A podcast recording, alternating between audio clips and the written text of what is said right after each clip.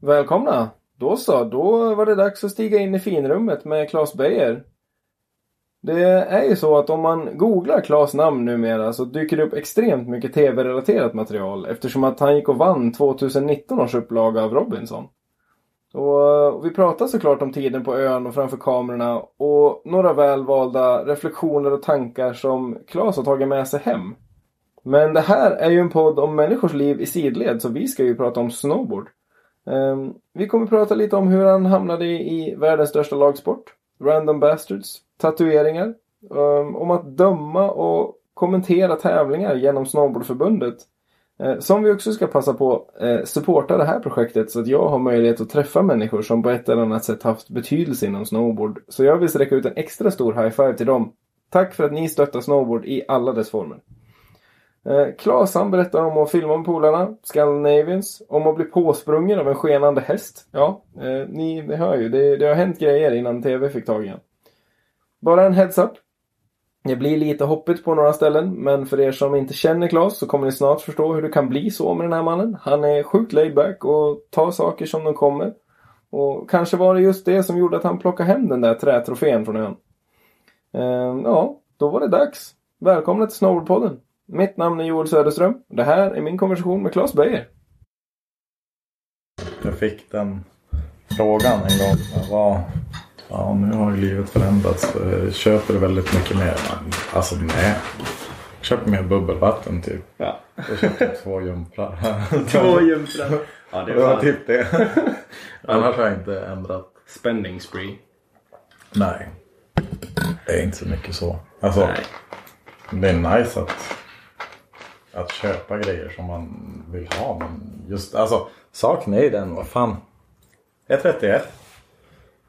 Jag har levt vuxenliv ett tag. Alltså jag har som hunnit skaffa det jag behöver. Mm. Jag tror att det hade varit livsfarligt. Om man var istället typ i flytta ut. Alltså flytta hemifrån stadiet. Mm. Gått buckwild på en helt Ja, fucked ju grej. Uff. Och då har man ju kanske gått lite mer lös. Utan Mm. Men du har, ju, du har ju fan en livsfarlig hobby.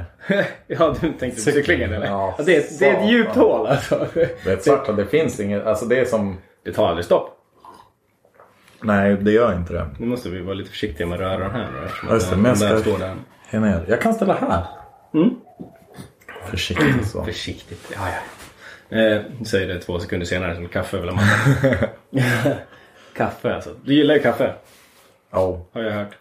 jag gillar kaffe. Jag tror att eh, det känns som de flesta gillar kaffe. Jag tror det. Det är svårt att inte gilla kaffe. Jag gillar till och med snabbkaffet nu. Ja. Jag vet jag, att jag har fått skit för det men... eh, Alltså, man får det, bara vara lite selektiv. Ja men det är inte det, är inte det prioriterar. Alltså, får jag välja så tar jag inte det. Nej. Men eh, Kire tar aeropressen från en då, då blir man blir av med finpressen. Jo, men precis. Ja.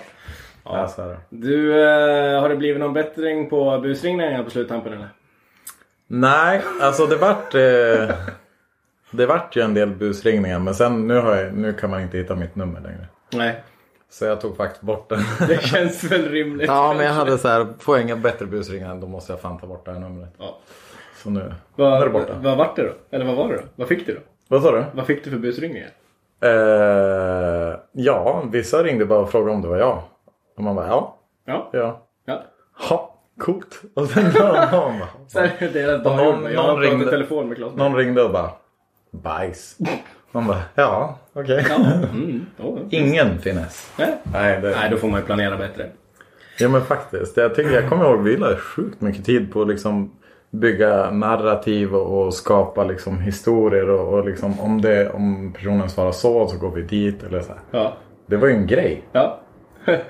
ja det, är, det är bra. Jag har en gammal story från Bollnäs när, eh, när en, en gammal vän ringde på en, eh, en annons om en hamster som skulle säljas. Och det där tog ju det tog fart. Jag vill säga, det, det, det, blev en väldig diskussion med en orolig mamma om, om eh, Ja, alltså det, hamster eh, helt enkelt. Ring, cage fighting fast med hamstrar. Det var ett väldigt konstigt scenario. Ja. Bra, men då har man ju skapat en story. Ja, verkligen. Ja, gick all in. eh, men då kan man ju undra, ja, det där var ju, eh, vi kan ju säga det också att anledningen till att jag frågade var bara för att jag hörde att du, när du pratade med Umeå-podden eh, så, så eh, nämnde du det att det har blivit en del busringningar efter Robinson. Ja, det har det. Och ett tag var det också ehm, brev. Handskrivna brev. Då fick jag typ ett, ett till två handskrivna brev i veckan. Det är lite commitment ändå. Det är jävla commitment. Jag gillar det. Nu, Ja. nu verkar de eh, antingen ha Postnord liksom fuckat upp eller så. Ja, vart tog så är det de inte vägen, lika liksom? roligt att skicka brev till mig.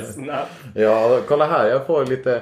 Förut fick jag sjukt mycket vykort men det har också blivit mindre. Nu har jag fått tre stycken här från Viberg. Ja, Faktiskt. snyggt. Så vill man skicka vykort så sätter jag alltid upp dem. Ja, härligt. Det ska Japp. vi komma ihåg. Ja. Kanske ska designa Snowboardpodden vykort i framtiden. Ja, då vill jag ha. Ja, det ska du få. Ja, det är härligt. Ehm, ja, vi var ju tvungna att ventilera lite Robinson. Vi kommer komma tillbaka till det såklart. Ehm, men eh, först och främst så vill jag ju säga välkommen först och främst Claes Beijer. Tack! Mäktigt att du eh, Ja. kunde styra upp det här med mig. Så eh, jävla gött att vi båda tog rätt buss och Ja, alla sådana grejer. hitta i Stockholm. Ja, gud, det är en utmaning alltså. Mm. jag är ju van ett torg. Och manövrerar runt. Ja, det svartvita. Ja, ja, det är ju väldigt enkelt liksom. ja, men nu när Google Maps finns så, så har livet blivit enklare. Ja, men alltså till och med där. Man ska köra in i Stockholm när man är lantpöjk. Och så vet inte Google att det är en väg som är enkelriktad. Då måste man börja om. Mm, jag går ju Ja. ganska ofta faktiskt. Men eh, Google Maps är det svåraste med Google Maps är att komma ihåg att ström på telefon tycker jag. Mm. Men nu har jag två telefoner. Ja, så det är praktiskt. det. alltså, den är ju så fantastisk. Jag hörde, jag hörde Ja. vi pratade om det innan. Just att, bara, att det är inte lätt man är, man är lite om sig och kring sig. Det är bra att ha två telefoner så man kan ringa till den andra när man tappar bort den. Det är lifehack. Alltså jag måste, jag måste Och du lösa det här. alltid så dubbelt ström. Ja. Ja. Nej, jag måste lösa det här. Och en riktigt bra powerbank. Ja men precis, det är skitbra. ja, det är fan riktigt Nu bra. finns det ju telefoner som man kan skicka ström till varandra. Mm. Det känns livsfarligt. Ja, det Det är nu man verkligen kommer märka vems, vem som är ens riktiga kompisar. Exakt. Bjup- Bjuppa på lite ström då. Ja. Ja, men eh, kul. Vi ska, vi ska ju eh, fokusera på lite Claes Beijer och lite snowboard. Eh, lite snowboardväg. Eh, vad, men du var... mm, Du, vi sitter i Stockholm nu. Du har bott i Umeå. Vi ska gå igenom det lite grann. Men, men du kommer ju varken härifrån eller från Umeå. Nej. Jag kommer, jag är född i Borlänge. Mm. Dalarna. Dalarna. Dalarna. Ja. Flyttade från både Dalarna och dalmålet. Mm. Eh, och jag lägger fullt ansvar på Erik Kire Karlsson. Alltså, Ja. var det han som hetsade iväg dig? ja, det var han som hetsade iväg det. Han härmade vars enda ord jag sa. Alltså. Ja, det var inte lätt. Nej. Men eh, han sa, men, men det är bara kul. Jag bara, ja men gör det då. Nej men det var... Ja, ja men det blir skitjobbigt om, om varje gång man säger köttbullar. Ja. Det någon bara köttbullar. så ja fan. Så sakta men säkert la jag väl om. Och sen umgicks jag bara med Umeå-folk i stort sett. Och Mm. På den vägen var det. Och nu ska det kännas konstigt att bara aktivt byta tillbaka. Jag önskar att jag hade hållit kvar det. igen, liksom. Men jag tror att jag var i en sån, alltså i en ålder av ja, anpassning. Mm. Man är Vilket gjorde att det. jag, ja. Och det kan jag skämmas lite för. Men eh, det skulle nästan vara pinsamt att aktivt byta tillbaks. För då visar jag ju inte att jag har lärt mig någonting. Nej, eller hur? Då är det ju fortfarande i någon form av anpassningsfas. Liksom. Ja, Jag tror ju att de absolut flesta går igenom det. Då. mm, jo jo. Men alla byter inte dialekt. Men Ja. vissa gör det. Ja. Jag har ju ingen dialekt. Jag säger att det regnar och att jag jobbar men annars så är det nog inte så mycket. Annars är jag nog också, följer jag nog också strömmen tror jag. Ja. Du, eh, men hur, hur kom du i kontakt med snowboard i, i Dalarna då? Eh, egentligen så var det ju min kusin som åkte snowboard. Mm. På ett sportlov. Och jag åkte ju bob då. Oh, viktigt. Ja, det var jävligt mäktigt. Eh, men eh, Då fanns det inga stora Bob-förebilder såsom Simon Ax att se upp till. Nej just det. Han hade ju en ganska vass era där. Han är ju sponsrad av Stiga och grejer. Ja, Promodel tror jag också. Men eh, så att då började jag åka snowboard. Och sen slutade min kusin åka efter något år. Men jag fortsatte. Jag, bara, jag blev hooked. ja. Eh, och sen eh, fick jag en snowboard när jag fyllde sju. Så jag har åkt väldigt länge Ja. faktiskt. Ehm, och då var det först Rom Alpin men där blev vi konstant motarbetade. För det, den, alltså det heter till och med alpin. ja. Det, var, det skulle vara backar, det skulle inte vara något hopp. Så det var bara sidokickar. Sen började vi eh, få skjuts då till Bjurs. Just det. Och där fanns det Soul Park. Ja. Japp. Hur och- gammal är vi där då? Eller vad är, vi, vad är vi på för år? Typ? Eh, då var jag, ja men då det är väl någonstans runt slutet av 90-talet, 99 någon gång, 99-2000 då började jag åka i Bjurs. Men fram till när, det, När är du född? jag är född 88. Ja. Jag hade för mig att du var ett par år yngre än mig. Ja. Yes. Så ehm, då, då ändrades allt tyckte jag. För då var det så här, shit. Nu är vi, för det första, vi var inte bäst på snowboard längre. Utan vi var typ sämst. Men eh, man var fortfarande ung så det, det fanns liksom någon tro på acceptans från omvärlden. Men det fina med snowboard är ju att man märkte efter ett tag att det finns acceptans mot det här. eh, Att, att man är sämst. Vilken ålder man än är. Och det är så jäkla vackert. Det är, Alla är så här peppande och du vet att alltså alla har ju upptäckt det som åker snowboard. Att Ja, det är världens största lagsport. Mm. Ja, ja, det Så- var väl ett himla fint sätt att säga Ja. det. Ja, men det är ju oavsett, när man, alltså, oavsett i vilken ålder man kommer in i det. Framförallt upplevde jag liksom på mindre orter, så här, ja, men typ som Bjurs, eh, alltså lite sådana ställen att, att det var väldigt så att man så här, åkte du snowboard då har du liksom tagit valet, då är du, så här, då är du med. Liksom. Ja, du med oss. Ja, Ja. exakt. ja men det var ju så. Det, det är härligt. Ja, för den, den gemensamma fienden då, det var ju liksom eh, stockholmare på skidor som kom och liksom klippte vägen för hoppet eller något sånt där. Mm. Eller stod på nollen. Alla har ju varit med om det. Åh gud ja. Så att eh, man, man enades i det istället. Mm. Och sen Verkligen. peppen för sporten och, och liksom livsstilen allting. Ja, ja gud ja. Det där, så, det där hamnar man ju bara längre och längre in i liksom. Japp. Och, men också tidiga inspirationer då? Jag menar, eh, har, vilka, när du kom till Bjurs typ, vilka, vilka såg du där? Och vilka så här, Alltså det- den, den som verkligen stod ut var ju Hasse från Bjurs. Ja. Eh, och sen Jens Alderman kommer jag ihåg var riktigt jävla vass. Jag vet inte om han åker fortfarande. Men det var ett, det var ett, det var ett namn. Ja. Sen fanns det ju såklart liksom eh, Jakob Söderqvist och eh, alltså. Att säga att man inte har blivit inspirerad av Backman när man växte upp vore ju en, vore en skam att glömma den. Mm. Ja. Men sen Peter Line var ju, alltså internationellt var ju det min största förebild. Alltså. Han var så jävla cool. Alltid här vildaste partsen. Liksom. Ja, men och så jäkla bra stil och Keir Dillon som körde eh, så mycket. Alltså han körde så smooth i pipes och alltså alla transitions i stort sett. Och sen Terje, alltså det fanns ju miljarders. Men på den lokala scenen så var det framförallt Bjurs Hasse och, och, och Jens som var riktigt häftiga. Ja, mäktigt. Du har ju, du har ju faktiskt, om man, ska, om man ska dra det till det, när du väl liksom börjar komma in i Bjurssvängen och snowboard lite mer där. Du är ju faktiskt omnämnd i Snowboardpodden redan innan.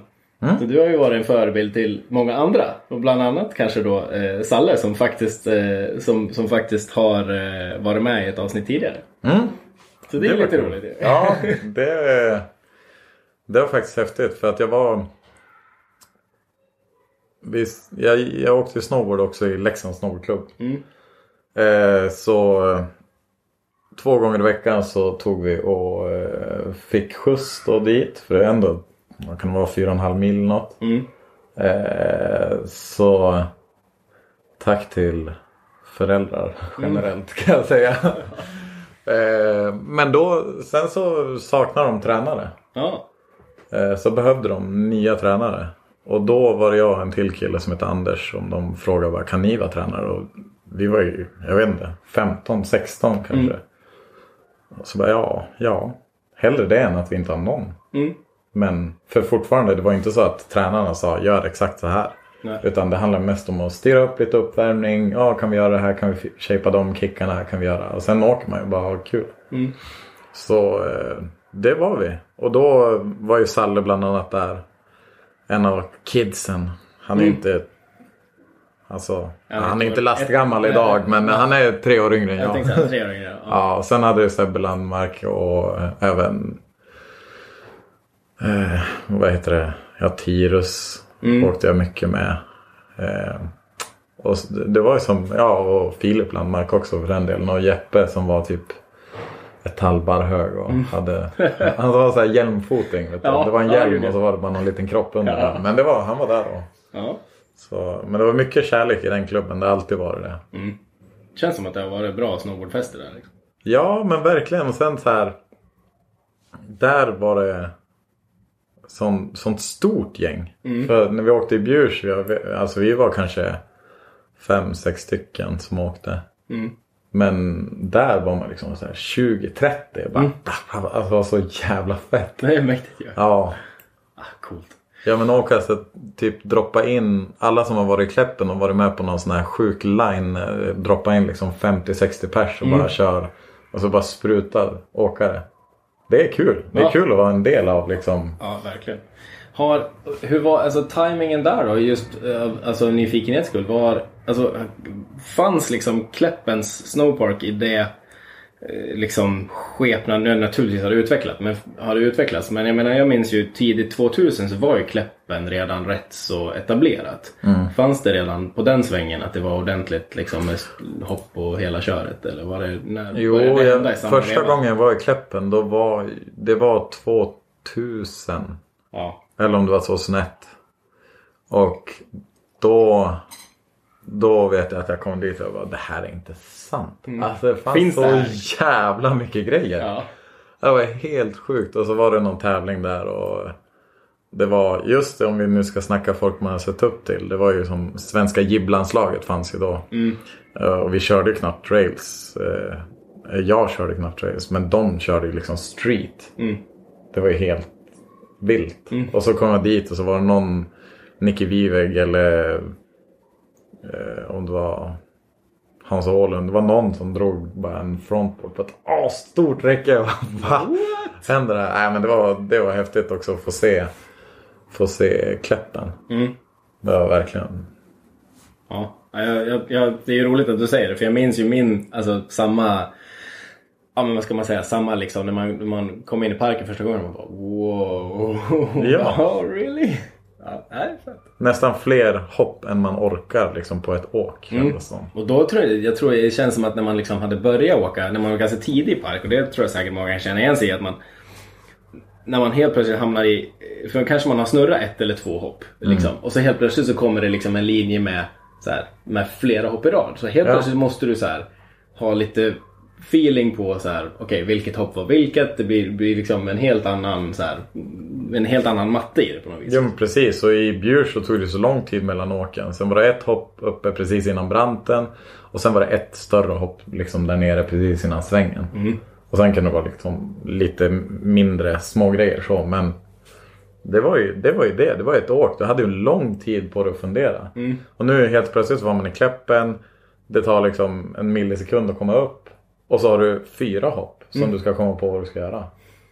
Så många trick hade jag inte. Nej, nej men eller hur? Det var exakt samma sak med mig. Jag, bara, jag har typ inte så många klipp. Eh, De får bara mindre och mindre trick om inte annat. Eh, Ja, där får man streta emot tror jag. Ja, satan. Ja, jag, jag tror det. är Det som eh, eh, Jakob, eh, eller förlåt, Jonas Wilhelmsson sa ju det. Att eh, den dagen han eh, känner att han börjar bli sämre på att åka snowboard, då, då, är, det, då är det klart. Liksom. Då är det klart. Ja, är det, i det där. Ja, och han står fan upp för också. Jag Ja.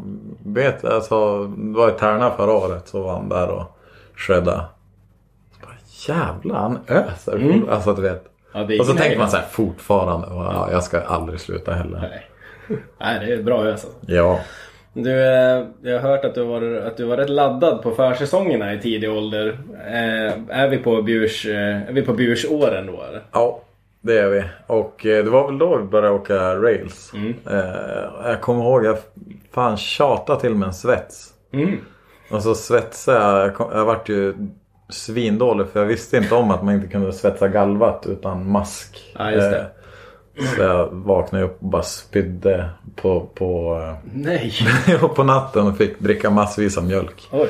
Och grejer för det var tydligen en grej man skulle göra. Men det blev ett rail. Ja. Eh, var inte fint svetsat men det höll. Mm. Och sen var vi och vi åkte ju med en kompis farsa. Var här häst eh, tränare och hästkiropraktor och grejer. Så han hade sån här hästsläp. Mm. Så får vi till, till hockeyrinken och så sleva in massa snö och sen körde vi, körde vi hemma på gården. Snyggt. Varenda helg. Alltså fredag, lördag, söndag. Mm. Så det var alltid samma veva. Det var svinkul. Ja. Det är härligt det där gamla hockey, hockeyrinksknepet. Det är många som har liksom det är Många som har använt den där snön väl alltså. Oh ja. Ja, verkligen. Och grejen att det tog, eh, jag vet inte var, varför, men vi for alltid och hämta. Alltså det var ett jävla meck att få ihop det. Vi byggde ju upp rails där vi. Ja, precis. Det är så jag har märkt att andra gör. Och det är så vi gjort alltså, under liksom, Umeå-tiden. Ja, men då, vi åker ju dit och så bygger vi upp där. Det är mycket smidigare. Ja. Men, Mindre, mindre krångel. jag vet. Men, Ja men det är ju veta vad det är laddat. jag var bara peppad. Ja, fasen. Ja, men det är ju fint. Men nu, om man säger sen då, liksom Bjurssvängen och, och sen... Eh, när var det det blev lite aktuellt det här med Umeå-flytten då? Och vad, hur kom det sig liksom? Och varför flyttade du till... Eh, som sagt, det var Kires som drev iväg det tänkte jag. Ja, men, men hur nej, hamnade men, Umeå eh, av alla ställen? Att det inte vart liksom... Men typ Alperna eller eh, inte vet jag, Sälen eller vad det nu kan vara liksom. Eh, det var, jag flyttade till Tärnaby först. Mm. Och så gick jag där. Just det. Eh, och då lärde jag känna, jag bodde ju med Kire då. Mm. Och lärde känna massa andra Umeå-folk. Och var även med i min första Random Bastards film. Mm. Och sen flyttade vi massvis av folk till Oslo och var där i, i två år tror jag det var. Och sen efter det då var det bara, ja men nu ska jag flytta någonstans. Så jag kommer inte flytta tillbaka till Tärna. Ehm, och jag kommer inte flytta tillbaka till Borlänge. Det finns, det fanns liksom inte. Nej. Ja, men jag flyttar till Umeå då. Så kan jag fortsätta med det här som vi höll på med då. Även under Osloåren. Då, då började liksom det här filmandet rejält. Ja. Ehm, så då, då blev det Umeå. Det var faktiskt eh, en kompis, Lill-Erik, som ringde och så sa han Du ring det här numret så får du förstahandskontrakt på en lägenhet. Så det- Då ringde jag den, ja. go- go- gubbe alltså. Ja, gud, han har styrt så mycket genom åren alltså. Så att eh, då blev det så. Mm. Så bodde jag i lägenheten med Lill-Erik och det var grymt. Ja. Och, eh, mäktigt. Grannar också. Jajamän. Eh, så, och då, det blev ju som så här.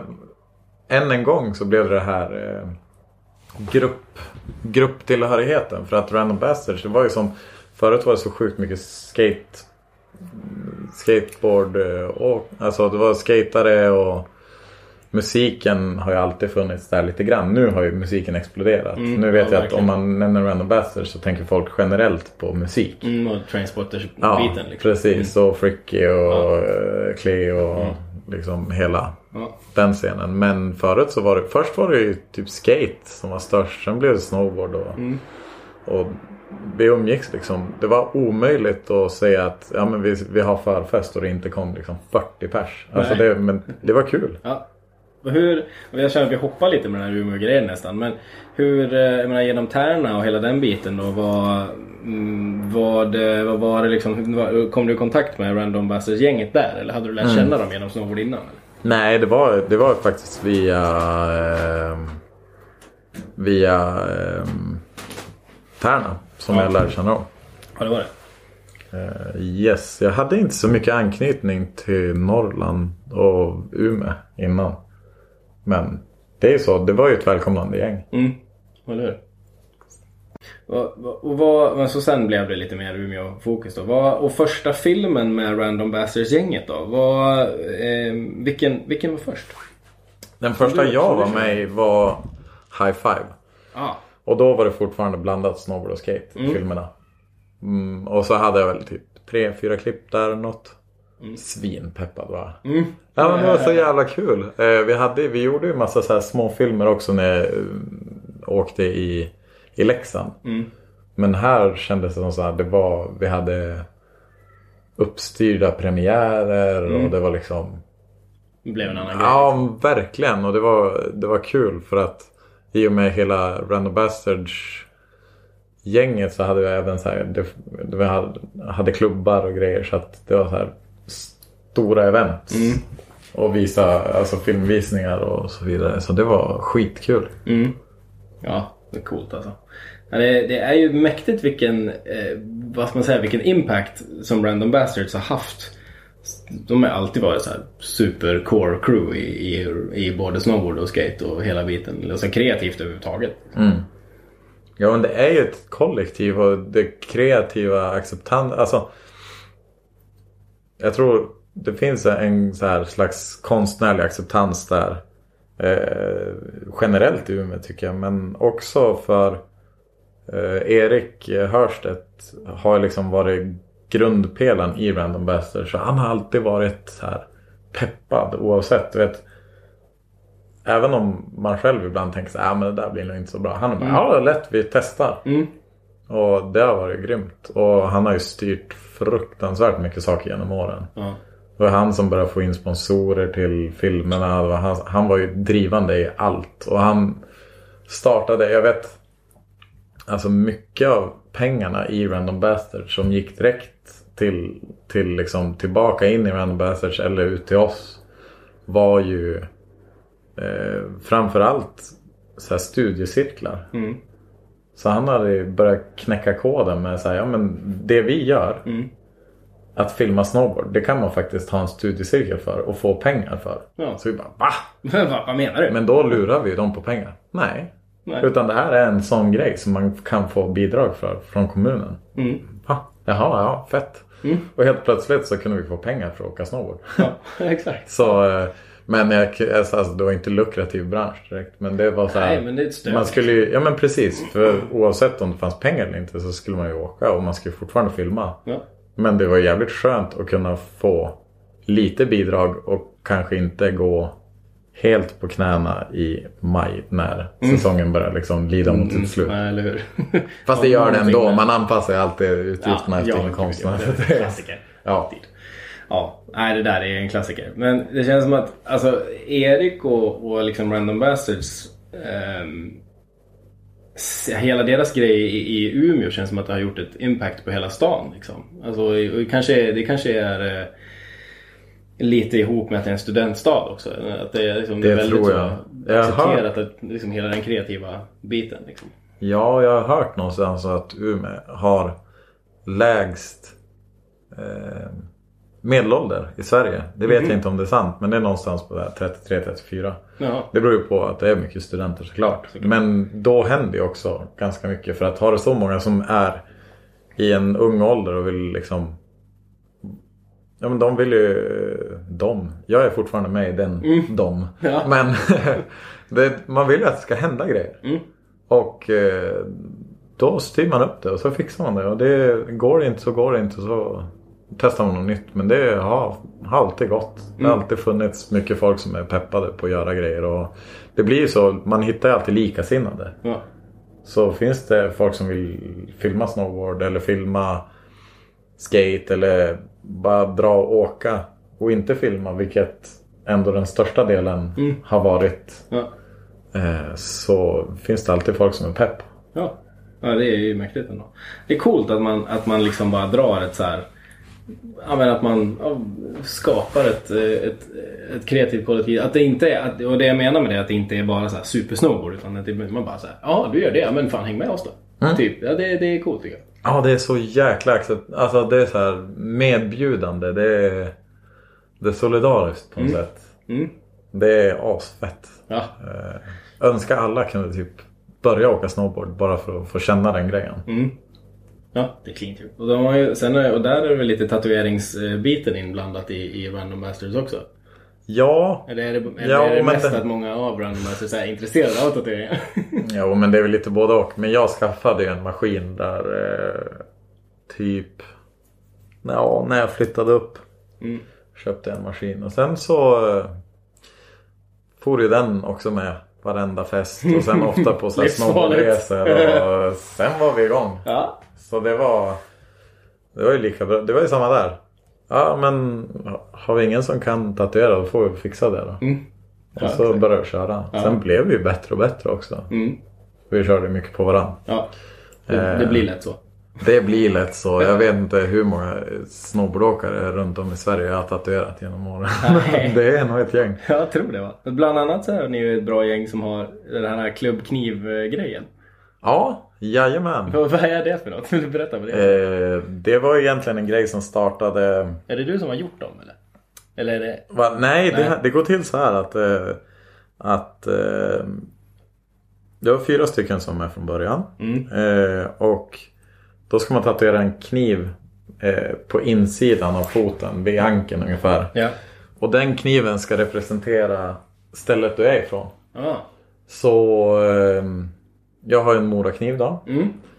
Eh, sen kan du, finns ju ett jäkla gäng lappknivar. Ja, såklart. Jag vet eh, Airjoki har ju Ja. varit med här. Mm. Han har en lappkniv. Eh, Jonas Karlsson har en, han, är- han är ju från Strängnäs så vi Mm. visste inte riktigt vilken kniv som var det. Men han har en smörkniv. Men det finns lite olika. Det finns så här Solna-kniven, en Butterfly. Eh, och sen finns det, det finns lite olika knivar. Och sen då går det till så att att det ska alltid vara någon som redan är med i klubbkniv som tatuerar en annan. Så att det Ja, är just det. alltid, alltså det var en tatuerare som var med då första gången. Eh, som Ja men han är ju för bra på att tatuera. Mm. Så han fick, för att han skulle liksom tatuera någon annan fick han köra med vänstern. Ja. Så att eh, alla ser ju sjukt rappliga ut och det är bara Ja. Men det är, det är en kul grej. Ja. Magiskt. Ja och så det är jäkligt kul för det där har jag märkt. Jag satt eh, uppe i men på Riksbankslalom. Mm. Satt i bastun. Då ser man bara, "Åh, där är en kniv och där är en kniv. Och det är folk jag inte ens har träffat någon gång. Jaha. Så. Då visar man bara, ja, viker man bara upp foten lite Ja. grann och så får man en nick och så, ja, och så börjar man köta. Ja. Det är gött. Ja, det är som du säger. Världens, världens största lagsport. Ja, ja. Ja, fint. Du har ju en, eh, sen har du ju en, eh, alltså föremål på kroppen. Du har ju, det är ju ingen hemlighet att du är ganska tatuerad. Men eh, du har ju en, eh, en ganska härlig från, ja men dels från Robinson, du, den här I got you babe, banan eh, tatueringen. Vill du ge lite bak, bakstory på den eller? Är det, Ja. är det den senaste du har? Nej, den senaste tror jag är den där. Ja. Eh, nu visar jag alltså en, Ja. en stor ros över bröstet. tror jag. Eh, ja, japp. Det, eller, eller den. Mm. Ja. Kanske. Ja, Du ser, det händer grejer. ja precis. Nej men, vad, är eh, I, storyn bakom I got you babe bananen då? men det var så här. Vi hade ju varit på ön då i flera veckor. Mm. Och käkar bara kokos liksom. Alltså man är allt, konstant. Alltså det har, hungern har övergått till någon typ av svält. Mm. Eh, så man är, det är konstant sug i magen. Och eh, jag, jag visste inte om att jag skulle sakna. Folk har sagt så här, men saknar du inte snus och kaffe? Där, liksom. Nej, inte så mycket faktiskt. Men det är för att svälten tar som överallt. Ja, man kommer Men- bort de grejerna. Ja, precis. Det är som att allt blir sekundärt. Det är som om du är magsjuk. Ja. Du bryr dig inte om någonting förutom att du bara vill typ sova eller må lite bättre. Mm. Och så blir det på samma sätt blir det där fysiskt kroppsliga. Att, eh, du saknar inte de sakerna på det sättet. Eh, men däremot saknade jag musik extremt mycket. Jag lyssnar på musik flera, flera timmar om dagen. Mm. Och helt plötsligt så har jag inte hört musik. Och sen eh, körde de då en grej som var lite måndag hela veckan. Så alla dagar såg likadana ut. Mm. Och då startade de dagen med att eh, slå på låten I Got You Babe med Sonny and Cher. Och så fick vi även en banan var. Så dels var det att vi fick en banan. Det var Mm. jävligt fett. Ja. Men för mig var det nästan större att få höra musik. Det var som att någonting växte. Alltså någonting väcktes liksom inuti mig. Någon så här själsligt. Som bara var större än, än någonting annat. Mm. Det, var, det var häftigt att, att vara med om.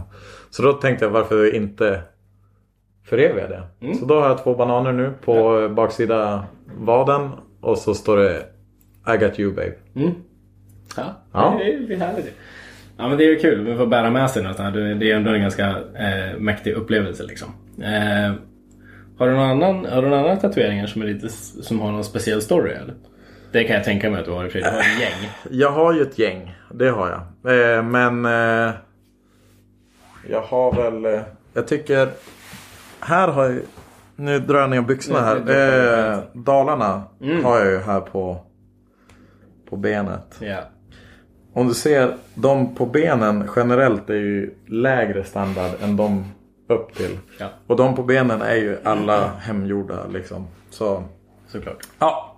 Eh, härligt. men Dalarna har väl liksom en betydelse. Sen, jag gör ju tatueringar för att jag tycker att det är snyggt och det är tufft. Ja. Det behöver inte, alltså jag ska inte hymla med det. Jag tycker så här, ja men det är nice. ja. Jag gillar det. ja, jag med. Eh, Ja, du har ju tatuerat idag. Ja, ja tatueringsoskulden. Ja. Hittills har jag ju eh, hittills har jag eh, alltid velat haft eh, tatueringar men aldrig kommit mig för. Och sen har det alltid funnits leksaker att lägga, lägga pengarna på. Mm. Som du sa innan, jag cyklar ju också på sommaren och det är ju ett djupt hål Yes. av, av prylar. Eh, men, och, eller resor eller vad som helst. Jag vill som aldrig kommer mig för. Så här. Och så, så eh, men, men min fru Sanny är ju tatuerad. Och så har ju hon, eh, tatuerade hon eh, Alltså hon överraskade mig med att göra en eh, ring. Vi är ju gifta sedan ett tag tillbaka. Så gjorde hon en ring. Eh, och jag, så här, du vet, inte att hon sa kolla vad jag har gjort. Utan hon bara så här, jag såg den i köket en dag. Jag bara, Va? så här, fan vad mäktigt. Och så tatuerade hon sig idag. Eh, och då så eh, är vi ju god vän med den här tatueraren eh, Erik då, farbror Erik som gjorde den, som har gjort Sannys grejer. Så fick eh, han fråga mig, men Joel du, du då? Så jag fick feeling och så gjorde jag den också. Det är det bästa. ja, Feelingen. Den får oss att göra fantastiska ja, saker. den gör ju det. Och nu har du en tatuering på handen. Ja, den är väldigt liten då. Ja. Inget, men eh, ja, ja, den är där i alla fall. Eh, ja, fint. Men du, en, en annan grej som jag var lite nyfiken på. Du har ju varit inblandad i, i Frankerhauser. Ja. Hur kom, vad, är- vad är storyn bakom det? Okej, snabb story egentligen var ju att jag drog korsbandet på SM 2004. Mm. Och då var det... Då kunde jag inte åka snowboard Nej. eh, säsongen efter för att det var... Jag hade ingen bra försäkring och då fick jag operera mig strax innan nästa säsong. Mm. Så då började jag faktiskt eh, döma snowboard eh, åt Snowboardförbundet då. Mm, hände Så det i den vevan? Alltså? Det hände i den vevan och då fick jag ehm, Fick jag hänga med på den här Dreams Tour Ja. som gick runt. Och där lärde jag känna en kille som heter Mattias Lindmark, även kallad Limpan. Jag tror ingen nästan vet att han heter Mattias. Nej, precis. Det är limpan som gäller. liksom. Det är Limpan. Ja. Eh, en av de fyra originalmedlemmarna för övrigt till Klubb Kniv. Jaha. Eh, och, eh, så, och han var ju som en storebrorsa för mig. Han är prick tio år äldre än jag. Och eh, det var ju skithäftigt att hänga med där. Eh, fick liksom bli inskolad på diverse. Jag vet att jag gjorde min första mat när jag var ute. där. Det var så här mycket. Eh, mycket sånt där. Eh, fick lära mig. Och sen började vi åka runt. Sen han och en till kille som heter Anders Jonell började starta i Frankrike. Mm. Och sen var jag helt plötsligt inne i den svängen. Det är ju så. Vi hamnar ju på olika ställen i livet och ofta så är det ju bara slumpen som tar oss till olika ställen. Mm. Och jag umgicks mycket med Limpan. Eh, träffar han fortfarande liksom. Och så frågade han om jag ville haka på den grejen. Mm. Och det var, Game on. det var ju game on såklart. Ja. Ja, de Och då hade jag- mycket roliga grejer. Ja, svin mycket kul. Eh, det, var, det var häftigt för jag åkte runt då två år på Dreams. Mm. Och sen åkte jag runt på Frankrike. Alltså, om det var ett eller två år, det minns jag faktiskt inte. Men det, allt flöt lite ihop där. Men eh, det var kul. Mm. Det var jättekul. Fick åka runt hela Sverige, träffa folk överallt och åka svinmycket snowboard. Mm. Även om på Dreams så arrangerade vi tävlingar och då dömde jag på tävlingsdagen. Men man åkte ju både före, dagarna före och efter. Mm. Hade ingen schema att anpassa mig till. Jag pluggade ju hemifrån ändå så det, Ja. det var bedrövliga betyg. Men jag fick... Fick jag känna igen den. ja, jo. Men eh, det var ju en bra, alltså en vettig anledning till att inte plugga tyckte jag. Ja. Ja, eller hur? ja. Feelingen var på Feelingen snowboarden. var på snowboard. Ja. Ja, eh, okej. ja, men och, jag menar just dömarbiten då. Vad, du hade ju naturligtvis redan, jag menar, man, man utvecklar ju ett, eh, ett sinne för stil, preferens och eh, saker som man kan göra och vad man inte kan göra och vad man inte får göra och, vad- och hela den biten. Och sen naturligtvis lite koll på åkare i, i scenen så man vet liksom att okej, men nu pushade den här åkaren sig lite extra än vad den brukar göra eller sådär. Men hur är det att sitta i domarbåset? Alltså det, det, det känns ju som en, en, det är en tuff puck alltså. Det kan vara en tuff puck och jag tror jag började döma när jag var 15. Eh, alltså jag dömde ju SM 2005, alltså ett år efter jag själv hade skadat mig. Mm. Och det var skitläskigt. Eh, för att och där tycker jag om man ska jämföra då och döma FIS-tävlingar och inte FIS-tävlingar. Generellt så tycker jag väldigt mycket mer om att döma icke FIS-tävlingar. Men då tyckte jag bättre om att döma FIS-tävlingar. Just för att jag var 15 och sen 16 och så här. Att det var lite svårt ibland när, när någon stor vuxen kom och bara Hur fan Hur dömer ni? liksom? Och då kan jag alltid liksom försvara Jo men du satte i handen då det ser så Ja, mycket avdrag och så vidare. Alltså det var lättare för mig. Regler, liksom. Eh, nu har jag inga problem att säga så här, nej men vad jag tyckte det var mycket fetare med det där. Mm. För det är en bedömningssport. Men det är inte så lätt att vara så tuff och, och liksom våga stå på sig när man är 15-16 och så kommer liksom en 25-åring och är typ förbannad på en. Nej. Det kan vara, det kan vara svårt. Så att då tyckte jag mer om att döma fisttävlingar. Och sen vart det ju hela, jag var ju runt och dömde massvis av världscupstävlingar runt om i, i världen också. Mm. Och eh, även den här tävlingen som var på, på stadion, Winter Jam, Ja. dömde jag i alla år. Mm. Så det var kul också. Det var så mycket resa. Mm. Jag vet någon gång var jag nere i Sassfe och dömde en tävling. Så var där en vecka efter och shredda. Mm. Så Det det var nice. så, ja! Ja, men eh, det kan jag förstå. Det finns lite mer att stötta sig på liksom, innan man har så fått lite kött på benen kanske. Precis, när man är ny. Alltså, alla har väl upplevt det när man är ny på någonting. Man är inte så jäkla säker. Och, och det är skönt att kunna ibland försvara det sådär. Mm. Men nu, absolut, så tycker jag det är mycket roligare att döma andra tävlingar än FIS-tävlingar. Ja. Nu har jag inte dömt på säkert två, tre år. Jag, jag, fått någon, jag får ju lite förfrågningar sådär men Mm. brukar tacka nej. Ja. Kan kicka igång igen nu. Ja, jag vet inte fan. Men det är speciellt att döma grejer. Man måste, då måste ja, du har verkligen- dömt också. Ja. Ja. Eh, och inte nödvändigtvis eh, så mycket, inte så mycket regelrätta sådana, eh, vad ska man säga, eh, snowboardtävlingar per se. Men mer så jag har dömt lite videotävlingar och lite sådana grejer. Mm. Det är inte lätt alltså. Nej, för att det är ju alltid så här. Det är ju subjektivt. Mm. Eh, och det är det egentligen även om du dömer fisttävlingar. Mm. Eh, trots att du har de här objektiva avdragen och så vidare. Men det, det är svårt med bedömningssporter. Jag menar, det är inte för inte som, som det har blivit så här domarskandaler. Och, jag menar, om du kollar på, vad heter det? Eh, isdans säger jag nu, för jag kommer inte på ordet. Eh, Eh, jag, vad är, fan? jag är inte säker på vad du... Eh, Ja vad men det som är med i OS. Jaha, Herregud. ja, ja, ja. Vad, konståkning eller? Konståkning, isdans. Ja, du vet. Man är ju insatt i det där. Ja.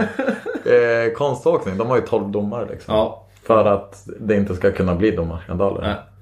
Så, men eh, jag tror att eh, där har du inte den här sköna vibben som du kanske har i snowboardbranschen Det är ändå. riktigt. Nej, Nej, vågar jag påstå. jag tror det med va. Men nu apropå eh, viben i, i snowboard då. Vi, vi må ju prata lite. eh, Ja, vi har ju, alltså, du har ju både tävlat men du har ju framförallt kanske eh, framför, alltså, framförallt säger jag, men du har ju filmat en hel del. Mm. Eh, dels då liksom börja filma med Random Bastards. Eh, kört mycket Scandinavians.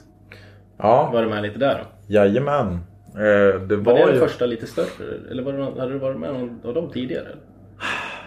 Nej, alltså Scandinavians drog igång som ett projekt. Mm. Att göra en svensk snowboardfilm. Eh, som inte hade gjorts på jävligt länge. Liksom. Nej, det var verkligen Eh, avsaknad av det. Ja, eh, för att hur den var, Random Bastards var ju primärt eh, Umeåfolk. Mm. Vilket också kändes jätterimligt och det är där själen låg. Men vi hade ju också på, på liksom de si- sista åren av Random Bastards-filmerna så var det ju, det var ju riktigt budget. eh, Det var ju liksom, du betalar si och så mycket per åkare. Och, Mm. Men det var alltid så här, vi ser till att liksom crewet alltid kommer få vara med. Är det så att någon sponsor kanske inte har riktigt fullt med pengar att ge så vi löser det. Mm. Typ. Eh, så, men så var det inte med Scandinavians utan där var det, där var det blandning med folk från exakt hela Sverige. Och, det Mm. var, och även, även Norge och, och Finland. Ja, Ja, det var väl så, Skandinavien. ja, precis. Så att eh, det var lite större projekt så. Och det var skitkul att få vara med i det. Mm. Ja, det var ju mäktigt. Ja, och det, det kände vi. Men då, det var ju första gången jag spenderade mycket tid nere i Stockholm faktiskt. Mm. Ehm, på gott och på ont. Jävlar vad p-böter jag fick. alltså. Alltså fruktansvärt. Det var ju som halva eh, budgeten kändes ju som att det gick åt. Ja men fy fan. Jag kommer ihåg någon gång vi skulle parkera, eller vi skulle ut. Vi hade jag och Nisse och det var någon till som var med. Hade skottat i ordning och liksom vi skulle dra dit dagen efter och, och åka på dagen. För att det är så mycket enklare att åka med dagsljus. Särskilt i städerna. Mm. Och, och så är det mindre folk ute då. Folk jobbar på Ja, dagarna. Eh, och så kommer jag ut i bilen på morgonen och så är den borta. Nej, Så då ringer. Ja men jag, jag tänker så här, vad fan det står folk hela gatan någon har snott bilen. Ja. Så jag ringer till polisen säger min bil är stulen. Men den var inte stulen utan den blev borttagen. Och så får jag åka typ eh, både tunnelbana, buss och sån här rälsbuss. Ja. Eller, ja. Eh, och sen hämta ut den. Och jag kunde inte hämta ut den för det var, den var skriven på min dåvarande flickväns morsa. Även om det var liksom jag som hade den. Så då fick hon typ kopiera sitt pass och skicka ner det. Och sen hämtade jag ut den. Det kostade typ 1 7 att hämta ut den. Och sen när jag väl hämtade ut den så satte jag också en parkeringsbot på 900 Nej. spänn. Fan. Fan! Dubbel-Janne. Ja, verkligen. Nej, det var mycket, mycket parkeringsböter alltså. Oh. Ja, alltså det är kanske det sämsta minnet från Scandinavians då. Ja, absolut. Det fanns mycket bättre minnen från Scandinavians.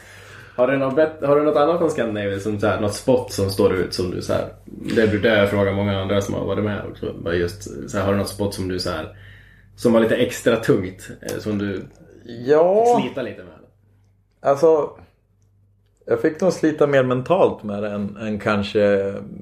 Jag, det, jag tror inte det tog mer än typ fyra försök innan det satt bra. Eh, och det var ett eh, spot ute i Husby. Mm. Som jag körde en eh, Backside 50 till Redirect Wallride. Mm. Och det var ju... Det var ganska så här skrovlig vägg och den var inte... Den var inte jämn heller. Det var som att, du hade, att den hade gjutits mot någon typ av eh, eh, plåt. Eller något sån här vågeplåt. Så att eh, det var bara mycket sketch kändes det som. Och så var det ganska högt räcke som lutade lite, alltså lite uppåt. Ja. Eh, och det är ju ofta så här med såna här do or die eh, spots som är superhärligt och superläskigt. Ja. Men det är ju på något sätt bra för ibland spots som inte är superläskiga då tillåter man sig själv att halvtesta. Mm. Och då kan man verkligen det, slå Då sig. det kan gå dåligt. Ja, så att på något sätt så är det så typ bättre med do or die för då vet man att det går bättre om jag bara går fullt, eller jag måste gå fullt in för det. Mm. Och så gör du det och ofta så är det ju nog bra för att göra det om du har någorlunda känsla för vad, vilken nivå du är på och ska åka. Mm. Man har ju ändå sizat upp det själv liksom. Ja men precis på något sätt. Sen ibland får man hybris och tror att man kan göra vad fan som helst. då, då får man sig en Ja, smäll. då får man veta det. Ja Då blir precis. man nedplockad. Ja men verkligen. Ja. Nej så att det, det är därför jag inte har åkt så mycket.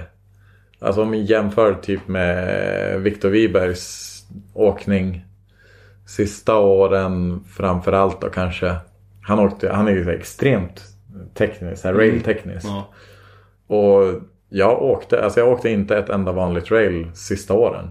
För att jag var för dålig. Alltså, Och det byggs också mycket på att jag är inte samma typ av nötare som, Vic- alltså, som Viktor. Nej, du kan mata ett trick hur länge som helst. Liksom. Ja, vi var ju i... Fan, det var ju i... Ja, det var i Gälle var det. En down for down. Mm. Som man drog, jag tror det var 148 försök. Alltså det är fan cred. Ja. Att orka göra så många försök. Jag ska aldrig, jag, ska, jag vet hur jag själv funkar och det är någon gång. Jag, det mesta jag har gjort är ju. Jag tror det var typ 32 försök eller något sånt där. Men normalt så brukar jag bara ledsna efter 10 försök. Och då går jag fullt ut. Eh, och skadar mig. Ja. Det är så det går till. Och då är det på något sätt meningslöst också. Ja, så jag känner som inte in spottet nog mycket och därför passar ju sådana där do or die grejer bättre. Eller typ sådana här lekfulla, roliga grejer. Så lines och sånt tycker jag är skitkul. För då kan du som kombinera det. Ja, ja coolt. Ja, du har ju, eh, alltså just apropå Viktor och, och vi pratade om Erik eh, Kire Karlsson tidigare. Du har ju spenderat ganska mycket tid med de grabbarna överlag. Ja, Har du, har du något, har du något, eh, något speciella goa trippminnen med dem? eller? Du spenderar rätt mycket tid i bil med de där grabbarna. Fruktansvärt mycket tid. Eh, nej men generellt så tycker jag väl att det har varit kul att åka med dem. Men ibland kunde det vara drygt också. För att du, alltså. Ibland märker man, det var faktiskt, om vi nu, jag vet att man vill prata om roliga grejer alltid. det är kul. Man får, Nej. man får jättegärna Men eh, det var, det tyckte jag var den största saken som jag tror att vi kunde ha approachat på ett litet annat sätt. Och det var att vi, jag upplevde att vi lät snowboarden bli för seriös. Mm. Och snowboard är för, eh, för viktigt för att ta seriöst. Mm. Jag, jag tror att ibland så, så kunde det bli sån här stress. Ja, vi har inte fått nog med shots, vi har inte gjort det där. Åh fan nu måste vi. Alltså det var så här. Det kunde bli negativt eh, i den bemärkelsen att det var liksom, det blev som ett jobb. Eh, och det kändes inget kul. Nej. Men eh, då är det skönt att ha sina vänner kring sig. Mm. Så att man kan liksom känna att man kan vädra när det är jobbigt och att, eh, och att man faktiskt kan prata om sådana saker. Mm. Ehm, Så det var Det är väl det fina i det dåliga. Men eh, det finns miljarder grejer att berätta och jag vet inte riktigt vad, vad jag ska berätta eller inte ska berätta. Jag, kommer inte ihåg. Alltså det är så här, generellt så är det bara många gånger som jag har fascinerats av eh, Kires eh, åkning generellt. Att man bara, fy fan vad bra han är. Mm. Och vad dryg han är som tycker att, att det är fult när det är jättesnyggt. Mm. För då känner man sig bara, vad fan, vad är mitt då? Jag gjorde ju nyss det här och såg ut som liksom Boston Joglo som har ramlat runt här. Men, och sen eh, blir man imponerad av Wibergs jäkla nötarskalle och perfektionism. Mm. Som också är vissa gånger asdrygt. Säg att det är minus 20 och du har gjort din grej. Alltså jag kommer inte vara den som säger nej vi drar. Mm. För det är klart alla måste få köra till de är nöjd. Ja. Men det kan vara jävligt jobbigt att dra en bungee i liksom tre timmar för en kompis. Man gör det men man Mm. Ja. bara slutar vara så jävla nötare. Men man säger i inte. liksom. Ja, fan man fryser. Ja. Ja, Men då är det skönt att få dra bungen för man vet att då står typ Kuske eller någon annan filmare och fryser ännu mer än Ja, ja. själv. för han står still. Han står still. Ja, det där är ju också en, eh, det, det där har vi ju, det där har ju yppats liksom fler gånger och, och vi pratade lite med, med Tove om det framförallt. Men just att så här, street spots och hela den biten att det att just belöningen är eh, liksom eh, svårt att visa upp hur mycket jobb som kan gå in på ett spot. Oh ja. Det, alltså. Det finns spots som man har skottat liksom i. Ja men. Jag tror det mesta jag haft på ett spot är nog 11 timmar liksom. Så aktivt arbete. Och så blir det ett shot som kanske kommer med. Ja exakt. Vart, Alltså, var, vart var det? och, eh, Minns du vart det var? Ja, vi höll på uppe i riksgränsen. någon- eh, Nej, inte. Vad fan säger jag? I Kiruna. Mm. Och skotta i sin... Men också i Umeå vet jag att vi har varit så här mycket preppgrejer. Mm. Man har varit där i så här små omgångar och sen någon gång så bara, ja men nu måste vi skotta upp det här. Och det är massvis av timmar. Mm. Eh, och så vet jag någon gång jag var och filmade med skaterna på sommaren. Och så kom vi till trappen de skulle flippa ut för. Och så var de tvungna att sopa. Mm. Fem minuter. De bara ah fan, åh drygt, jag hatar det. Man bara sluta fan. Ja. Häng med på vintern. Ja, exakt. Nej men så att det är ju väldigt och det är också det här fina. Det är därför det blir också en sån, sån glädje och sån lagsport. Dels för att man ser sin kompis sätta ett trick som de har nött på liksom, i sliter sinne. Men också för att man själv faktiskt har sprungit i tre timmar med bungee. Så här, yes. Ja. och det är därför alla hjälps ju åt hela tiden och, och det, det är nice. Ja, ja, det är härligt.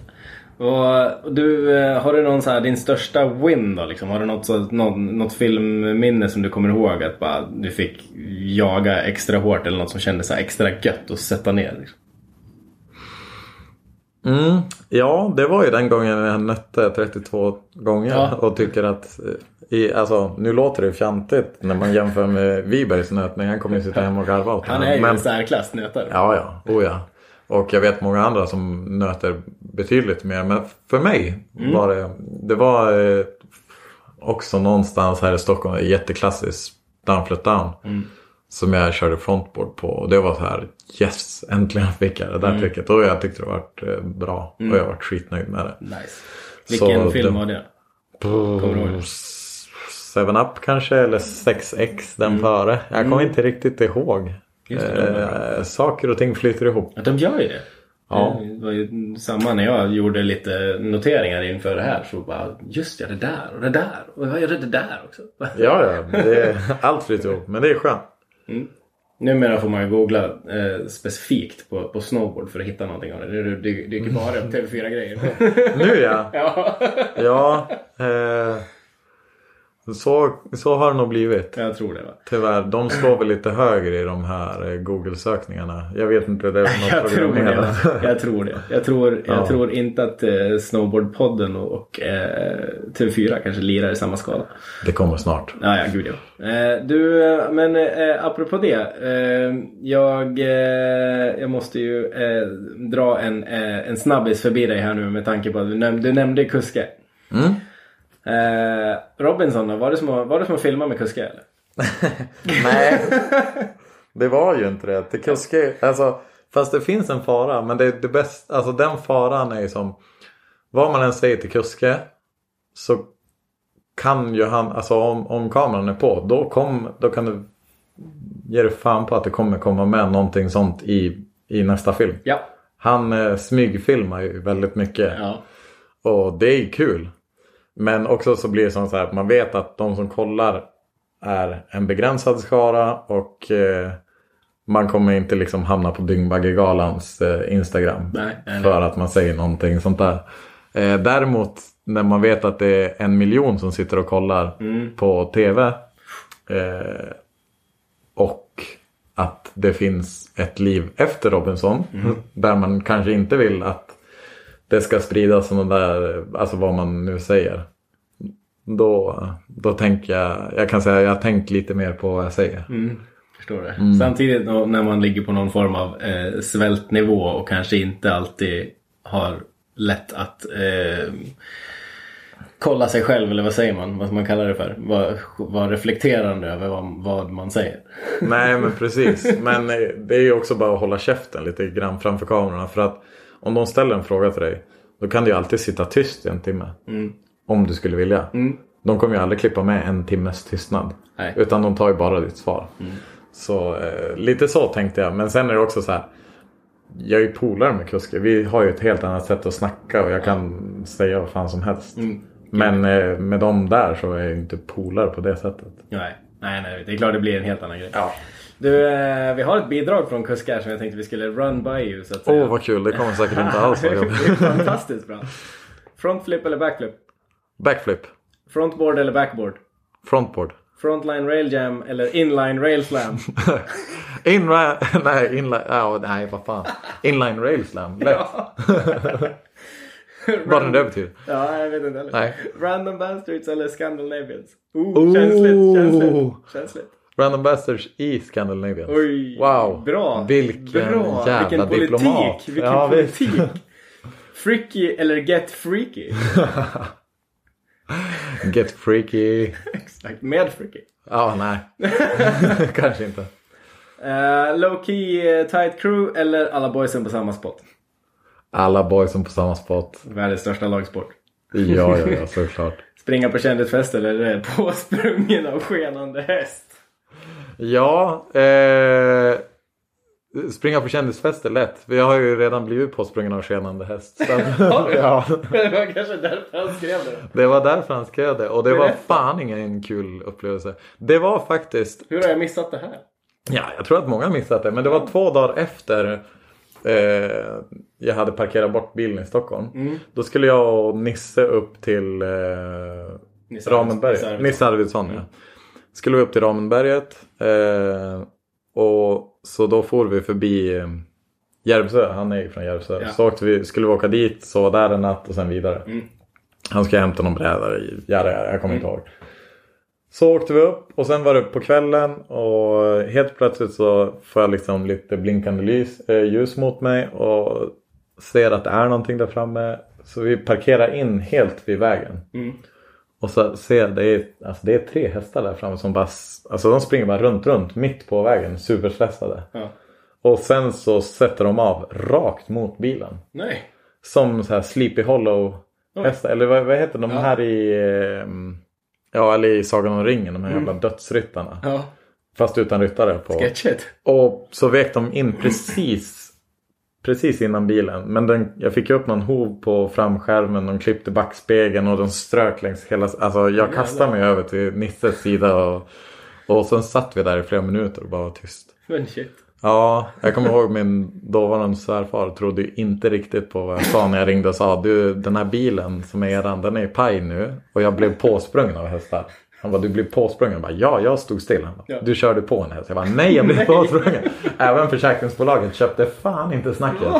Hade Nej. ju, och, de, de köpte inte vittnens utsaga från Nissa heller eller? Och så nej, då, då bara ja. eh, Jag vet inte, det, det, var, det var bara kört. Men det var en 850 så att Ja. det, var, det, det finns liksom reservdelar för en mindre peng på vilken jävla skrot du åker på ändå. Ja, Så, så att eh, hellre kändisfest än påsprungen av häst. ja då Även om båda är ganska tråkiga. Oj, oj, oj. Ja, ja du ser.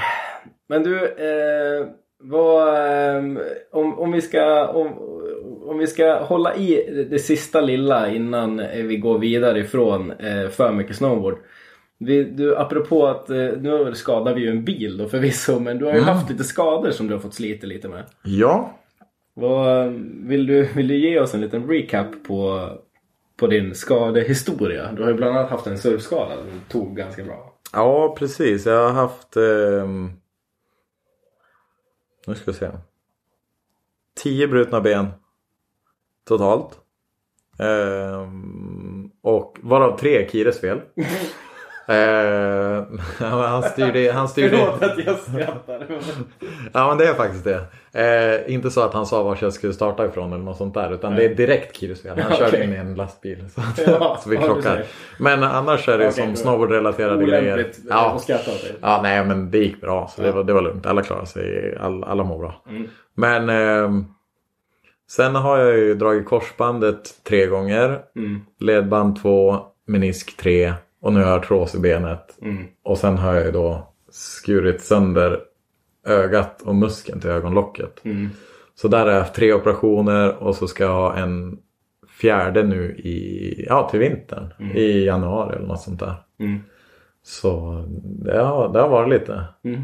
Men det, det här när jag skar, skar av eh, muskeln till ögonlocket och, och pajasynen. Det var ju det var ju surf då. Det var surffenan som kom och Ja. slog mig. Japp, så det var den. Ja, den där är tung alltså. Ja. Jo, det är då man börjar märka hur bra det är att ha två ögon. Ja. Fan vad jag gick in i cyklar alltså. Alltså cyklar och stolpar och... Och Kire som är halvdöv på ett öra. Det var kul för vi gick ju längs... eh, Ja, vi var och strosade i Umeå. Mm. Och så gick jag ju på hans dåliga sida. Mm. Och så såg han inte heller eftersom jag... Så vi gick och strosade och sen märker jag att han slutar svara. Så vänder jag mig om. Då har han stannat typ 100 meter längre bort. Så han har inte hört att jag pratar med honom. Eh, och jag har inte sett att han har stannat upp. Så kom vi överens om att vi måste ju hålla oss på rätt sida. Så jag kan se dig och du kan höra mig. Ja. ja, det är bra. Man har, man har överenskommelser om olika saker. Mm, jo. Fantastiskt. Ja, det är grymt ju. Eh, men du, eh, sen... Eh, det känns som att vi hoppar lite här men jag ville, Det är bara hoppa. Jag ville ju bolla lite den här kommenteringsgrejen också. Ja. För det är ju någonting vi inte får glömma. Du har ju, du har ju kommenterat en del snowboard. Ja, jag körde väl OS och nå... Det var ju när Eurosport hade liksom ägde sändningarna. Mm. Så då var jag på Eurosport och kommenterade ja, några världscuper också tror jag. Mm. Hur hamnade du i det då?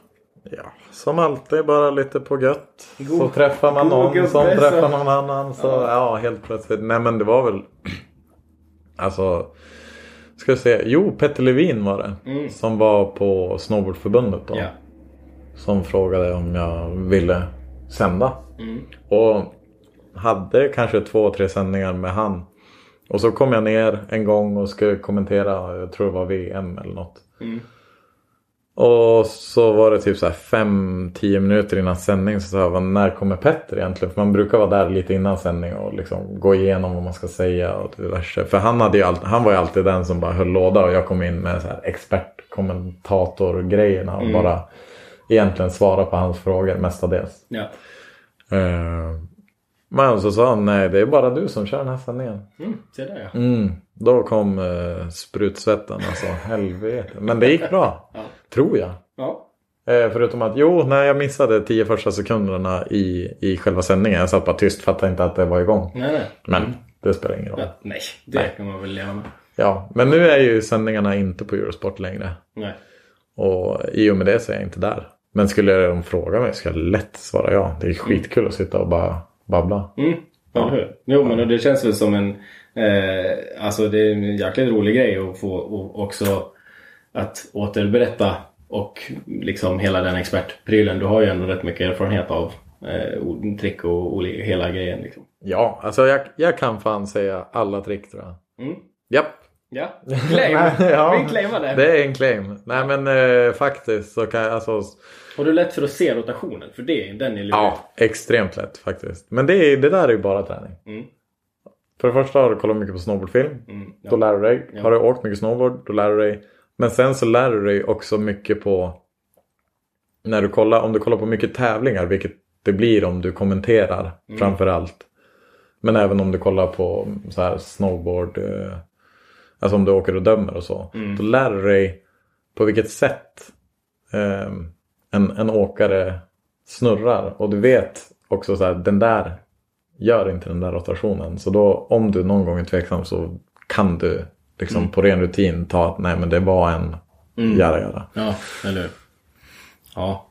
Det, det händer grejer nu på, på tävlingsfronten och det känns som att alla bara går för hej vilt bara. Ja, och sen helt plötsligt så kommer det någon japan som man aldrig har hört namnet på som slänger ja, typ kvadrupelkork med, Mm.